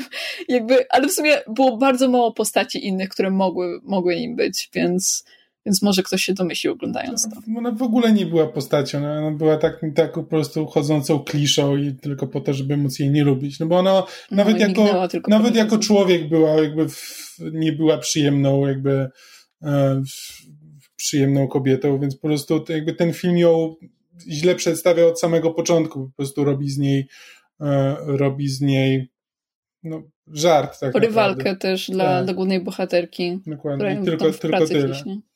No. Powinni byli z niej zrobić jakąś, jakąś postać. No to jest znowu, to jest ten sam problem, co mieliśmy z ojcem e, Valerii w mm, no, Red Riding Hood, tak, mm -hmm. że, że po prostu ta, ta, relacja, ta relacja nie ma, nie ma żadnego znaczenia dla nikogo w tym filmie, więc po prostu nie działa. No. I to co, to, co Ania wspomniała o Eli jako głównej bohaterce. Emblematyczne wydaje mi się to, że, że praktycznie żeśmy o, o Eli nie rozmawiali, więcej mówimy o jej bracie, który jest jakby też bardziej um, w jakiś sposób, nie wiem, rozbudowaną czy, czy ciekawszą postacią. Chociaż smutno mi to mówić o, o, o postaci kobiecej, że jest nieciekawa. Um, ale coś w tym jest i to nie jest to, że Christina Ricci jest złą aktorką, wręcz przeciwnie, ja ją widziałam w wielu filmach, gdzie jakby gra bardzo dobrze. Um, a jakoś tutaj po prostu ta, ta Eli była tym, tym takim jakimś, no, no, no, bez wyrazu była, mam wrażenie. Ona mi się wydawała realistyczna pod takim względem, że wyobrażam sobie osobę, która jakby mogłaby istnieć, mieć dokładnie taki charakter, e, ale jak na bohater, chociaż hmm, to, nie, to nie jest tak, że mi się nie podobała jej postać. E, nie mam do niej silnych uczuć, ale sądzę, że, że była napisana w ok sposób, była ciekawa, jakby w sensie były jej wątki na ekranie, a nie tego Jimmy'ego albo kogokolwiek innego, to jakby oglądałam z zainteresowaniem. Scena w łazience była świetna. To jak, jak ona, ona jest w łazience i jakby czuje, że jakaś przemiana w niej nadchodzi i jej i ucieka do jakby kabiny i, i jakaś jej koleżanka z pracy e, próbuje jej pomóc e, i próbuje otworzyć drzwi i ona ściska te drzwi tak mocno, że po prostu paznokcie zaczynają jej krwawić i zostawia jakby ślad na, na, na drzwiach no jakby epickie, jakby ko kocham takie sceny, jak kobieta jest po prostu w takim stanie, że, że jest w stanie kogoś Och. zabić i w ogóle. No. Ania, to ja tak żałuję, że nie mogłyśmy obejrzeć, bo tak naprawdę ja się śmieję, że ten odcinek e, na temat dziewczyny w czerwonej pelerynie i przeklętej powstał dlatego, że myśmy nie mogły obejrzeć dwóch innych filmów, które ja bardzo chciałam, żebyśmy omówiły, to znaczy właśnie Towarzystwo Wilków, a drugi to jest Ginger Snaps, mhm. zdjęcia Ginger bo y, jakby w ramach klubu filmowego Myszmasza obiecaliśmy, że będziemy omawiać filmy, które są ogólnodostępne, żeby wszyscy mogli je legalnie obejrzeć i, i, i wiedzieć, o czym rozmawiamy. Niestety Towarzystwo Wilków i Ginger Snaps nie ma legalnie w polskim internecie. Bardzo nad tym ubolewamy, ale Ginger Snaps jest, jest właśnie tym, o czym mówisz, to znaczy e, krwawy kobiecy horror o wilkołactwie i jest fenomenalny i ja tak. po prostu jak ta pandemia przejdzie, to przyjeżdżasz do mnie, ja to gdzieś mam na płycie i oglądamy, bo po prostu to jest, to jest taka poezja. Znaczy inaczej, powinniśmy tak naprawdę zrobić double feature Ginger Snaps i Jennifer's Body, bo to jest mniej więcej ten sam, oh. znaczy nie ten sam, ale bardzo podobne ujęcie, taka właśnie e, ta potworna kobiecość w takim ostrym, mhm. krwawym mm -hmm. ujęciu. Więc bardzo żałuję, że nie mogłyśmy obejrzeć. Jeżeli ktoś gdzieś zdobędzie, dostanie, zobaczy na płycie tanio, to niech kupuje e, Ginger Snaps w ciemno, bo to jest, to jest, to jest, klasyka kina wilkołaczego, zwłaszcza w kobiecym ujęciu. Od, odcinek o Jennifer's Body to będzie po prostu festiwal zachwycania się jakby aktorkami tak. tam, bo są śliczne. No i też, tam też gra właśnie Amanda z y, Dziewczyny w czerwonej pelerynie. I, I, myślę, tak, że ona się realizuje w takich trochę horrorowych jakby w filmach, gdzie jest silny bisexual energy. tak, ale to wszystko dlatego, że ona ma taką, wiesz, twarz takiego cherubinka, aniołka i te blond włosy i te wielkie, no. błękitne oczy, więc ona się świetnie nadaje do, do straszenia. Um, tak, ale czekajcie, bo zeszliśmy, zeszliśmy z tematu, bo mówiliśmy o Christinie Ricci i, i Ellie. Tak, Ellie. A, ale nie wiem, czy mam coś więcej do powiedzenia o niej. E, ja mam do powiedzenia to, że podobały mi się te, te jakby te przemiany u niej stopniowe, to że, to, że ona miała ten, e, jakby zmysły miała bardzo wyczulone, to jak łapie muchę w rękę. Jakby wiecie, to było fajne, że, że jakby te przemiany to, to jest coś, na co niekoniecznie zwracasz uwagę, jeśli nie jesteś bardzo przekonany, że jesteś wilkołakiem. I tym, że ta Eli odsłała te, wiecie, takie, takie sygnały, że coś może być nie tak. Na przykład to, że czuła z odległości, wiecie, całego biura, to, że komuś poszła krew z nosa i jakby od mhm. razu ją przyciągnął ten zapach. Albo, e, no, albo to, że wiecie, miała tą aurę seksualną i, i w ogóle, albo to, że złapała muchę, albo to, że oni w paru scenach chyba jedli surowe mięso i żadne z nich tak. tego nie nie, jakby wiecie, nie powiedziało, ej, jemy surowe mięso, to trochę dziwne. Ale to jest fajne. je jedli. Ale to jest fajne, dlatego że, że to jest wprowadzone stosunkowo stopniowo, dlatego że oni na początku jedzą surowy bekon, co jeszcze nie jest takie dziwne. Surowy bekon to jeszcze jak ja cię mogę, no bo to można podciągnąć pod rodzaj, nie wiem, szynki albo jakiejś takiej wędzonej, mhm. e, wędzonego czegoś typu, nie wiem, prosciutto czy coś takiego. Ale potem jest scena, kiedy Jimmy ma zamiar zjeść e, surowy stek i się powstrzymuje, bo, bo pies na niego patrzy. Mhm. Więc jakby fajnie, fajnie jest to tak stopniowo, stopniowo um, gdzieś tam sugerowane. Tak. W ogóle też y, ta scena, jak oni, chyba to jest jeden dzień po tym, jak zostali tam właśnie ugryzieni, czy tam zranieni przez wilkołaka, jak, y, jak ten Jake przychodzi do tej Eli i oni się tam y, całują i zapewniają się o swoich uczuciach i to jak ona ma jakąś taką właśnie, nie wiadomo czy to jest wizja, czy sen, czy jakieś takie, wiecie, taka dysocjacja, że po prostu ona zamienia się w wilkołaka i wgryza mu się w szyję i go po A prostu tak, rozwala. Tak. To był tak świetny montaż, tak bardzo mi się to podobało. Ale to, to nigdy więcej nie wraca i to jest jak wzięte z zupełnie innego filmu, tak. właśnie z takiego e, R-rating ostrzejszego jakiegoś filmu. Tak. A szkoda, że nie było tego tak, więcej. Mi też się to strasznie podobało. Bardzo fajne, bo to tak e, poddawało wątpliwości, czy te postaci w ogóle to kontrolują i czy wiedzą, co się dzieje, bo jakby nie wiadomo, czy to była jawa, czy, e, czy właśnie jakaś wizja, czy, czy koszmar, coś w tym stylu. I wiesz, i u Eli widzimy, że po prostu Eli się budzi i jest wszystko normalnie, a Jimmy się budzi w krzakach zupełnie nagi, więc jakby masz, masz dwie różne e, wersje tego, czy, ta, czy to wydarzenie było, było snem, czy nie było. E, więc, więc fajnie to było. W ogóle też ta przemiana, te przemiany, jak oni mają po powrocie do domu, E, i biorą się za sprzątanie e, domu i ten Jake potem przychodzi. Mm, I to, że A jak El... oni stopniowo zaczynają się przemieniać. Tak, tak, tak, tak że, że Ellie czuje, że jej kręgosłup wystaje i że mm. te żyły się pojawiają. To jak Jimmy podnosi jakby bluzkę i ty tak, tak, tak brzuch mu się morfuje, to było takie ale fajnie to wyglądało. Jakby nie było, w, w całym filmie nie było momentów, w których, e, w którym efekty specjalne by mnie jakoś tak, wiecie, wyjęły z imersji. Jak dla mnie wszystko było takie na miejscu. Nie, plus warto wspomnieć, biorąc pod uwagę nasze, y, naszą dyskusję z poprzedniego odcinka a propos wizualnie dobrze pokazanych wilkołaków, to chciałabym powiedzieć, że znaczy ten, ten y, wilkołak w dziewczynie z, z czerwoną, w czerwonej pelerynie to był bardziej wilk niż wilkołak. No, tak. E, Billy Burke w szkłach kontaktowych to nie jest wilkołak. Does not a werewolf make. Um, ale na przykład tutaj, jak Joni była wilkołakiem, to było trochę takie, um, widać było te efekty komputerowe, ale mi się ten design podobał, ja to kupowałam. Mhm. Natomiast to, co dla mnie jest ciekawe i też pokazuje, jak, um, jakie problemy miał ten film, bo on miał mieć praktyczne efekty specjalne, praktyczne efekty makijażowe. I za nie miał odpowiadać Rick Baker, słynny um, charakteryzator, którego um, dzieło Aniu będziemy poznawać w kolejnym odcinku, dlatego U. że um, naszymi um, kolejnymi filmami, trzymając się nadal wilkołaczych tematów i właśnie wracając do, um, nieco bardziej wracając do klasyki, obejrzymy film American Werewolf in London, czyli mhm. amerykański wilkołak w Londynie, w którym Rick Baker e, robi efekty specjalne i jeżeli się nie mylę, dostał za to Oscara nie bez powodu. Um, natomiast um, drugim filmem, który będziemy oglądać, będzie film Wolf, czyli Wilk z Jackiem Nicholsonem i Michelle Pfeiffer. Mm. Jaki ciekawy tytuł, ciekawe o czym to jest. No nie? I wonder.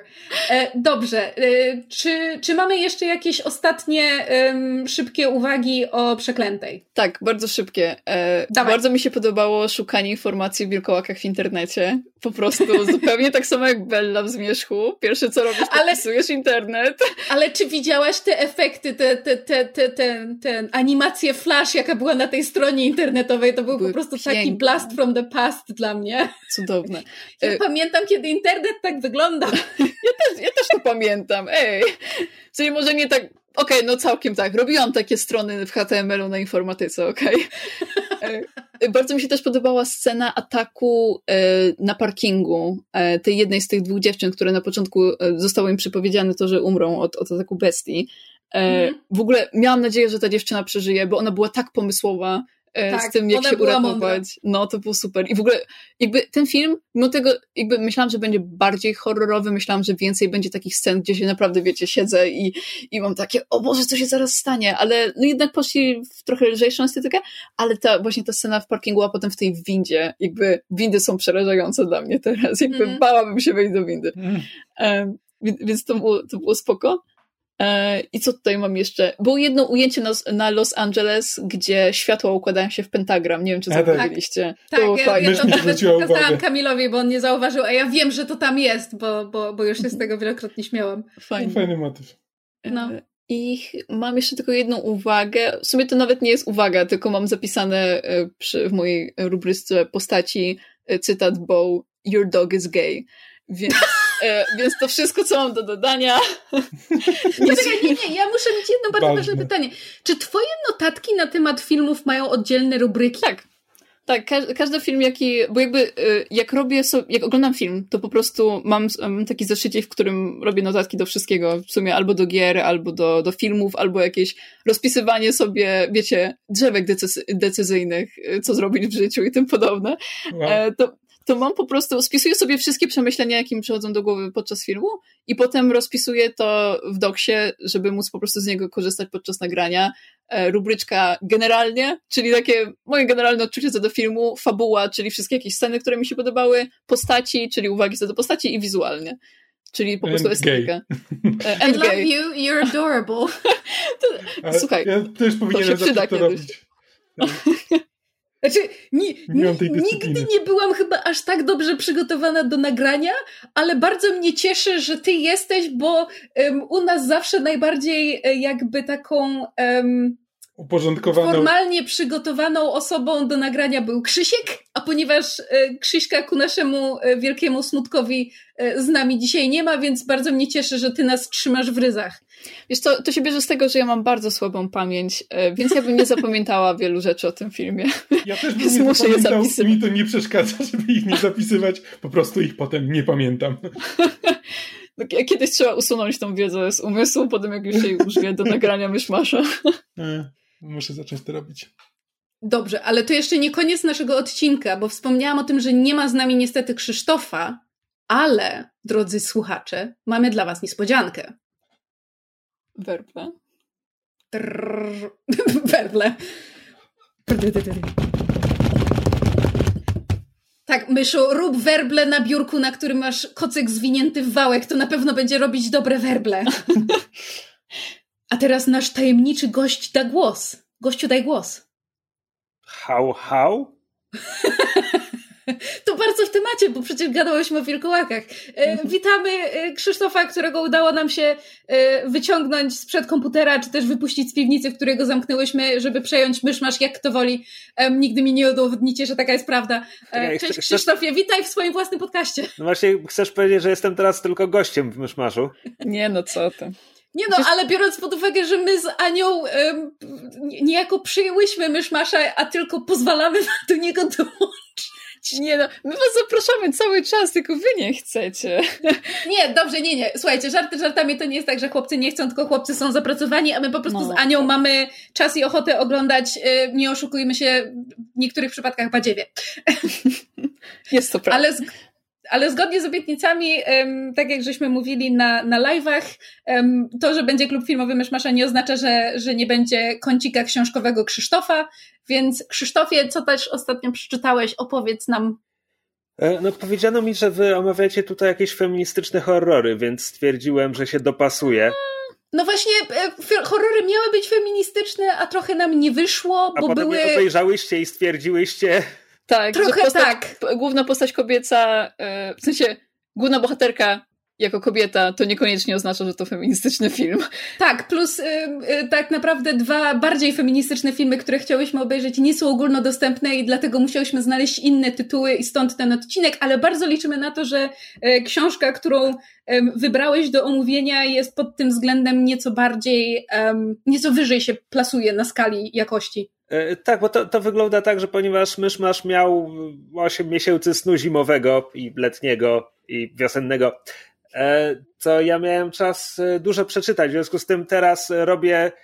Wyznaczyłem sobie takie reguły, że będę próbował dobierać książkę z tego katalogu, która będzie jakoś pasowała tematycznie do omawianych filmów. O, super. Więc e, zobaczymy, na ile starczy mi materiału, ale usłyszałem feministyczny horror. Takie miałem wytyczne, nieważne jaka jest prawda ostatecznie. I tak się składa, że mam coś. E, bo przeczytałem w zeszłym roku powieść Mexican Gothic autorstwa e, Sylwii Moreno Garcia. Ja o tym słyszałam strasznie dużo dobrego i ja, miałam ja też o tym, Ja też o tym dużo dobrego słyszałem. To był powód, dla którego sięgnąłem po tę książkę. E, bo jakby szczerze mówiąc, to jest trochę poza moim. Poza, poza moimi domyślnymi polami zainteresowań, ale też ja staram się czasem wyjść jedną nogą spoza, spoza moich baniek.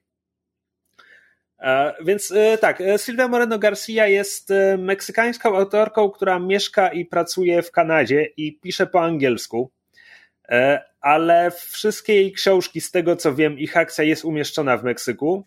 Ona pisała trochę, trochę łajejów, trochę, że tak powiem, mm, powieści dla domyślnie dorosłego czytelnika, czytaj nie łajejów.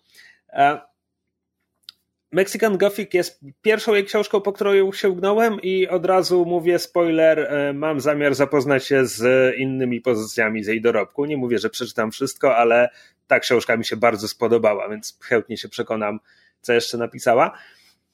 A fabuła dotyczy, e, są wczesne lata 50. E, i pochodząca z nowobogackiej rodziny Noemi Taboada, zostaje wysłana na prowincję do domu, w którym zamieszkała jej kuzynka Katalina wraz ze swoim nowym mężem. E, kuzynka Katalina e, wyszła za mąż za, za e, dziedzica angielskiego rodu, rodu Doylów, który kiedyś miał kopalnię srebra, ale kopalnia została zamknięta po wojnie domowej i teraz ten ród tak trochę podupada, no ale wciąż arystokracja i, i tak dalej, wiadomo. E, a wysłał ją tam jej ojciec, bo kuzynka Katalina przysłała dziwne listy, e, z których no, trudno wyciągnąć coś sensownego. Ojciec, e, ojciec Noemi podejrzewa, że Katalina przeszła jakieś załamanie i może potrzebować pomocy psychicznej, fu, pomocy psychologicznej, psychiatrycznej, e, ale e, jej mąż nie zgadza się jej nigdzie puścić. Jej mąż z kolei mówi, że ona ma gruźlicę czy jedną z tych romantycznych chorób i, i że nie może podróżować w związku z czym Noemi zostaje tam wysłana, żeby zorientować się, jak naprawdę wygląda sytuacja. Ja mam jedno bardzo ważne pytanie. Tak. Bo zaczynam, zaczynam mieć taki vibe trochę e, właśnie gotycki, klasyczny gotycki horror typu Crimson Peak, e, więc moje pytanie brzmi, duchy? No właśnie, to jest tak. Mhm. Ta książka jest określana horrorem gotyckim i ma gotyk w nazwie, tak? Mexican Gothic. Mhm. Ja szczerze mówiąc nie znam się dobrze na horrorach. W sensie, jeśli miałbym zaszufladkować horror, to, to zaczynam mieć problem. Zaraz dojdę jakby jeszcze tylko dociągnę streszczenie do, do okay. jednej trzeciej. Więc Noemi trafia do, do domu Doylów, e, gdzie poznaje przystojnego, charyzmatycznego, ale nieco niepokojącego męża swojej kuzynki Kataliny. Mm -hmm. Coś między tym mężem a Noemi tak jakby iskrzy, ale też ona czuje do niego trochę pociąg, trochę odrazę. I to jest jakby wstęp. Do tego jest oczywiście e, wyniosła matka, która każe zachowywać absolutną ciszę, e, w sensie matka tego Virgila Doyla jest jego schorowany ojciec, z uwagi na którego trzeba tę ciszę za, zachowywać, schorowany, ale wciąż jakby władający tym domem i rodziną żelazną ręką. Jest też młodszy, młodszy brat, taki blady, anemiczny, zupełnie tam nie pasujący, więc jakby książka się zaczyna i masz takie okej, okay, no, no jest to powieść gotycka. Romans Brzmi... gotycki to, to, tak. tak, taki, taki wygląda, znaczy taki jest setup. Brzmi bardzo klasycznie jak na razie. E, A Stary potem... dom, matka trzymająca zasady, ojciec, który też rządzi wszystko żelazną ręką i niepokojący, aczkolwiek bardzo pociągający pan domu. Prawda? Tak, więc to jest taki bardzo klasyczny, powiedziałbym wręcz posługujący się stereotypami e, setup, a potem książka zaczyna się przepoczwarzać. I tutaj właśnie nie wiem, czy przepoczwarza się po prostu w gotycki horror. Ja ją nazwałem e, na Twitterze horrorem antylovecraftowskim. E, czemu tak? Bo o, znaczy, oczywiście jakby to nie jest wielki spoiler, kiedy mówię, że książka przepoczwarza się w horror. Jakby w księgarni jest na półce z horrorem. Po prostu ona, ona długo długo trzyma się tych ram po prostu romansu gotyckiego. Jakby mija, mhm. mija dłuższa chwila, zanim, zanim tam się zaczyna dziać coś naprawdę wykraczającego poza lekki niepokój i wchodzącego w takie otwarte, a okej, okay, horror. No bo oczywiście w domostwie Doylów czai się zło. Pradawne zło. E, nie będę mówił konkretnie na czym ono polega, e, natomiast e, można w pewien sposób powiedzieć, że jest przedwieczne. A czemu mówię, że jest to horror antylovecraftowski? A, bo głowa rodu jest zafascynowana eugeniką i, i nazywa się Howard. I to nie jest przypadek, absolutnie, moim hmm. zdaniem. Hmm. E, więc oczywiście jest tutaj, jest tutaj tajemnica, co właściwie dzieje, dzieje się w tym domostwie komu e, Noemi może zaufać, co dzieje się z Kataliną.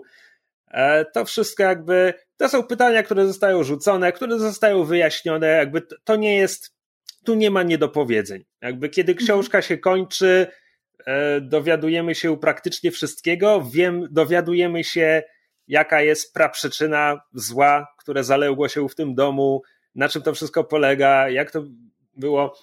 Jest to też horror z rodzaju tych, które jeśli bardzo, bardzo przymkniemy oko, możemy powiedzieć, że jest to niemalże fikcja naukowa, bo jest tutaj jest mechanizm, który znowu nie chcę mówić konkretnie, co jest złem, ale jest to zagadnienie z dziedziny nauki, które w ciągu ostatnich powiedzmy 15 lat jest bardzo popularne wśród autorów fikcji i widziałem je już wykorzystane E, na wiele różnych sposobów w wielu różnych mediach.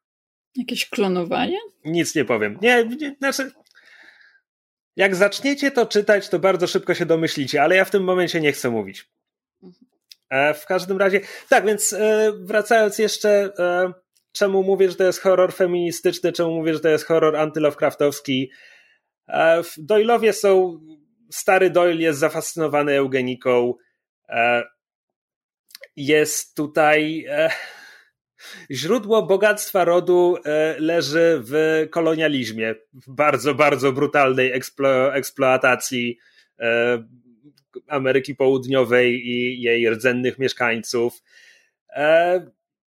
Praprzyczyną wszystkiego jest cierpienie kobiety, a jednocześnie jakby zmierzam do tego, że wielkim przedwiecznym w tej powieści jest patriarchat, ale jednocześnie, ale jednocześnie jest to patriarchat, którego ofiarą padają również e, mężczyźni, którzy nie wpisują się w ten jakby toksyczny wzorzec propagowania znaczy, tej normalnie. męskiej władzy. No właśnie, jak w naszym świecie. No wiem, wiem. Nie, właśnie dlatego o tym mówię. I teraz tak, kiedy tak to mówię, to, to, to wiesz, ktoś, ktoś wyczulony, że ale nie pakujcie mi feminizmu łopatą w twarz. To wszystko jest w tej książce, nie jest ukryte głęboko, ale też nie jest tak, że jakby nie, wali, nie wali łopatą w twarz na każdej stronie. ale też jakby autorka nie pozostawia dużo miejsca na inną interpretację jej powieści. Ale jeśli mhm. trzymamy się tylko tego, co dzieje się na kartach powieści, no to mamy bohaterkę, która jest w złym domu, gdzie jest jakieś nadnaturalne zło i ona musi sobie z nim poradzić. Po prostu wystarczy jakby pomyśleć przez pół minuty nad tym, co, repre- co zło reprezentuje i jakby nie ma miejsca na żadne wątpliwości. Ciekawe. Tak, więc e, e, tak, więc, więc e, pytałaś mnie, Myszu, czy, czy są tu duchy? Również, tak. Mhm. A ja mam takie pytanie. Mhm. Bo powiedziałeś, że jakby, że dostajemy odpowiedź na większość pytań, które się pojawiają w trakcie lektury, czyli rozumiem jakby, jakby... Historia, mechanizmy działania elementu cudzysłów nadnaturalnego, zamknąć cudzysłów, wszystko zostaje wyjaśnione. Aha, a, ale czy w takim razie moje pytanie brzmi, czy Twoim zdaniem te odpowiedzi, które dostajemy, są satysfakcjonujące? Moim zdaniem tak, ale też tak jak mu. To jest tak. To jest książka, w której na dobrą sprawę niewiele mnie zaskoczyło, ale mhm. to nie jest wada. Po prostu dość szybko, e, dość szybko zgadłem, czy, czy sam sobie jakby założyłem, że aha, prawdopodobnie chodzi o to, to i tamto. I faktycznie chodziło o to, to i tamto. Jakby pomogło, pomógł mi fakt, że tak jak mówiłem, ten mechanizm, który został tu wykorzystany, jakby czytałem o nim w innych książkach, widziałem go w innych historiach. Mm, I znowu, no to, to nie jest wada, to po prostu coś jest w obecnym zeitgeistie, że, że ten element jest wykorzystywany. Mhm. Znaczy, wydaje mi się, że to jest y, jakby dobra rzecz. wydaje mi się, że jest taki typ książki, gdzie owszem, fajnie jest być zaskoczonym przez y, powiedzmy rozwiązania, które autor zastosował, ale wydaje mi się, że równo jeśli nie czasem większą satysfakcję ma się z z takich książek, gdzie myślisz sobie, o to jest pewnie A, B i C i rzeczywiście się okazuje, że jest A, B i C i autor do tego potrafi doprowadzić w sposób, który jest jakby spójny i płynny i, i się mhm. dobrze układa. I odnoszę wrażenie, że tak jest w wypadku Mexican Gothic. Tak, to, to, jest, to jest ten przypadek. Plus jakby rozmawiamy o, o szkielecie historii, ja jakby wartością mhm. książki, tak jak w wypadku znakomitej większości książek, jest to, że jest po prostu e, bardzo dobrze napisana, że ma postaci, które jakby wciągają cię ich losy, chcesz, chcesz je śledzić i, i po prostu cię to wszystko angażuje. A, a to, że opiera się na szkielecie, w którym no, przewidziałem rzeczy, no przeczytałem mnóstwo książek, no, w, pewnym, w pewnym momencie jakby trudno być bardzo zaskakiwanym na każdym kroku. Czy nawet, jeszcze... jeśli, nawet jeśli horror nie jest, nie jest gatunkiem, który jakoś znam bardzo dobrze. E, czy były jeszcze jakieś e, supernaturalne istoty oprócz duchów? E, czy jakby skupili się tylko na jednym wątku i, i nie poruszali. To znaczy. Znaczy, biorąc pod uwagę, że Krzysiek powiedział, że duchy też były, to odnoszę wrażenie, że może jest tam coś więcej. Znowu.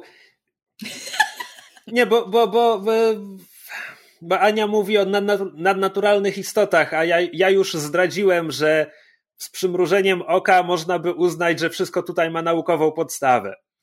Mhm. Tylko to jest taka jakby nauk naukowa podstawa taka, jak, jak, jak, z jaką mamy do czynienia w no, tej fikcji pulpowej, tak? Mhm. mhm. przez dziesiąte, palcem po wodzie pisane. Ma to jakiś związek z rzeczami, o których można przeczytać w, w artykułach naukowych, tak. Hmm. No ciekawe, wiesz co, zachęcasz mnie do, do przeczytania tego. Znaczy... Szczególnie, że ta książka, jak mówisz, jakby, że się wszystko wytłumacza na końcu, e, a nie ma jakiejś takiej, takiego poczucia, że to jest niekompletna historia. Nie, nie, to jest absolutnie jakby zamknięta historia, tu e, to nie jest początek serii ani nic takiego, ja mam alergię na serię, więc, więc wręcz staram się, się sięgać po same standalone chyba, że czegoś nie doczytam e, i, i przypadkiem wpadnę w trylogię. Co zdarzyło się parę razy w ciągu ostatnich lat. Tak, albo mysz podrzuci ci książkę, która miała być serią, ale potem nigdy nie była kontynuowana i z tego powodu oboje cierpimy. O nie. Jaka, jaka to była książka? Shades of Grey Jaspera Forda. To jest bardzo fantastyczna książka, którą lubi tylko mysz i ja, w sensie jakby pa, parę, parę lat temu chadzałem, chadzałem na spotkania klubu książkowego i w pewnym momencie ją podrzuciłem. I na te kilka osób z klubu książkowego tylko ja i założyciel klubu w ogóle ją przeczytaliśmy, bo połowa odpadła w połowie, a z nas dwóch tylko ja naprawdę ją lubiłem. A dla mnie, dla mnie to jest ta wyjątkowa książka, ten, ten, ten taki może nie jeden raz, ale ten jeden z niewielu razy, kiedy ja podetknęłam książkę Krzyśkowi i jemu się autentycznie spodobała, więc dla mnie to jest po prostu, wiesz, jedno z moich największych życiowych osiągnięć. Słuchaj, no to nie ma rady, teraz ja to muszę przeczytać i musimy zrobić myszmasza na ten temat w takim razie. Znaczy, myśmy z Krzyśkiem już kiedyś chyba, e, znaczy Krzysiek jakby tę książkę omawiał, ja pamiętam, że się wtedy wypowiadałam, ja musiałam sobie tę książkę powtórzyć, bo ja już niewiele pamiętam, ale w ogóle my z Krzyśkiem ją nagminnie polecamy wszystkim, licząc na to, że może kiedyś będzie trzecia osoba do naszego fanklubu. Bardzo mały fanklub, znaczy, ale możemy już sobie zrobić koszulki. Przy, przypomniałem sobie, mam jeszcze e, przyjaciółkę z Niemiec, która też jest jej fanką. Um, obecnie, obecnie jest, zastępuje niemieckiego ambasadora w Ulan Bator, więc nie mogę się z nią spotkać, żeby porozmawiać o książce. Jakie kontakty!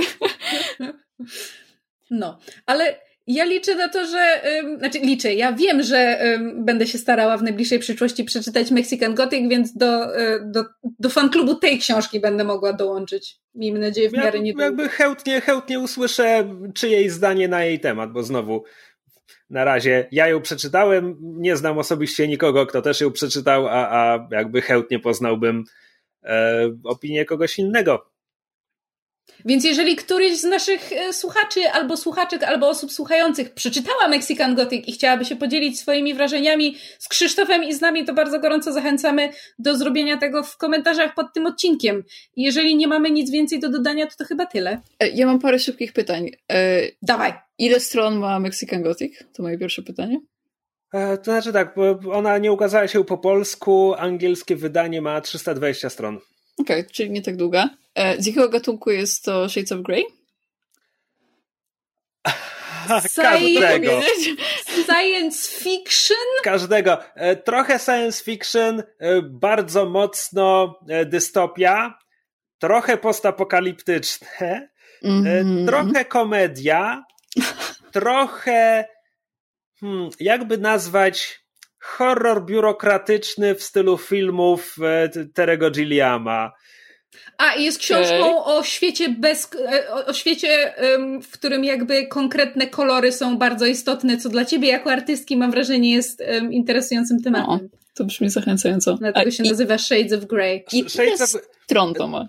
E, Shades of Grey ma 400 trochę, ale musiałbym wygooglać teraz, żeby wiedzieć konkretnie. Mo może 400 kilka, 470 maksymalnie. Okay, okay skoro już zeszło na Jaspera Forda, bo ja, ja zacząłem go śledzić od, odkąd przeczytałem e, Shades of Grey, um, odkryłem, że jego najpopularniejsza seria to jest seria o First Day Next i ja się od tego odbiłem. Jakby to ja był też. trochę podobny humor, ale nawiązania do angielskiej literatury, której szczerze mówiąc po prostu nie czytałem, więc jakby widziałem momenty w tekście, gdzie aha, to jest dowcip, nie rozumiem go, nie czytałem Jane Eyre, mm do mhm. której nawiązuje cała pierwsza część tego cyklu. Jak mogłeś nie czytać Jane Eyre? No jakoś tak, wiesz, o widzisz, to może tobie Thursday Next się spodoba. natomiast y, poza tym ma jakiś cykl młodzieżowy o ostatnim smokobójcy czy coś takiego. Tego nie próbowałem, ale y, piszę też standalone, z których przeczytałem dwa. E, Early Riser, który jest bardzo fajny i w zeszłym roku The Constant Rabbit, e, o którym pewnie też opowiem jakoś nie bardzo długo w myszmaszu. I te dwie książki razem z Shades of Grey łączy to, że on ma taki zwyczaj, że on tworzy cały absurdalny świat pełen własnych zasad i potem zaczyna pisać powieść umieszczoną w tym świecie, tak jakby to był nasz wspólny świat, tak jakby czytelnik miał doskonale wiedzieć, co to wszystko znaczy, co te wszystkie zasady oznaczają. I po czym w trakcie powieści pomału jakby wykłada karty na stół ale na przykład z tego wykładania kart też potrafi robić, nie chcę powiedzieć twisty, ale Early Riser jest powieścią o świecie, w którym e, są strasznie długie, strasznie surowe zimy. To jest jakby nasza planeta geograficznie, jakby akcja toczy się w Walli, tak jak większość jego książek, mhm. on nawet nie jest Walijczykiem, czego dowiedziałem się całkiem niedawno. Po prostu. Po prostu lubi to miejsce. Tak. E, ale trwają tam te długie, długie zimy, więc ludzkość wyewoluowała tak, żeby zapadać w sen zimowy.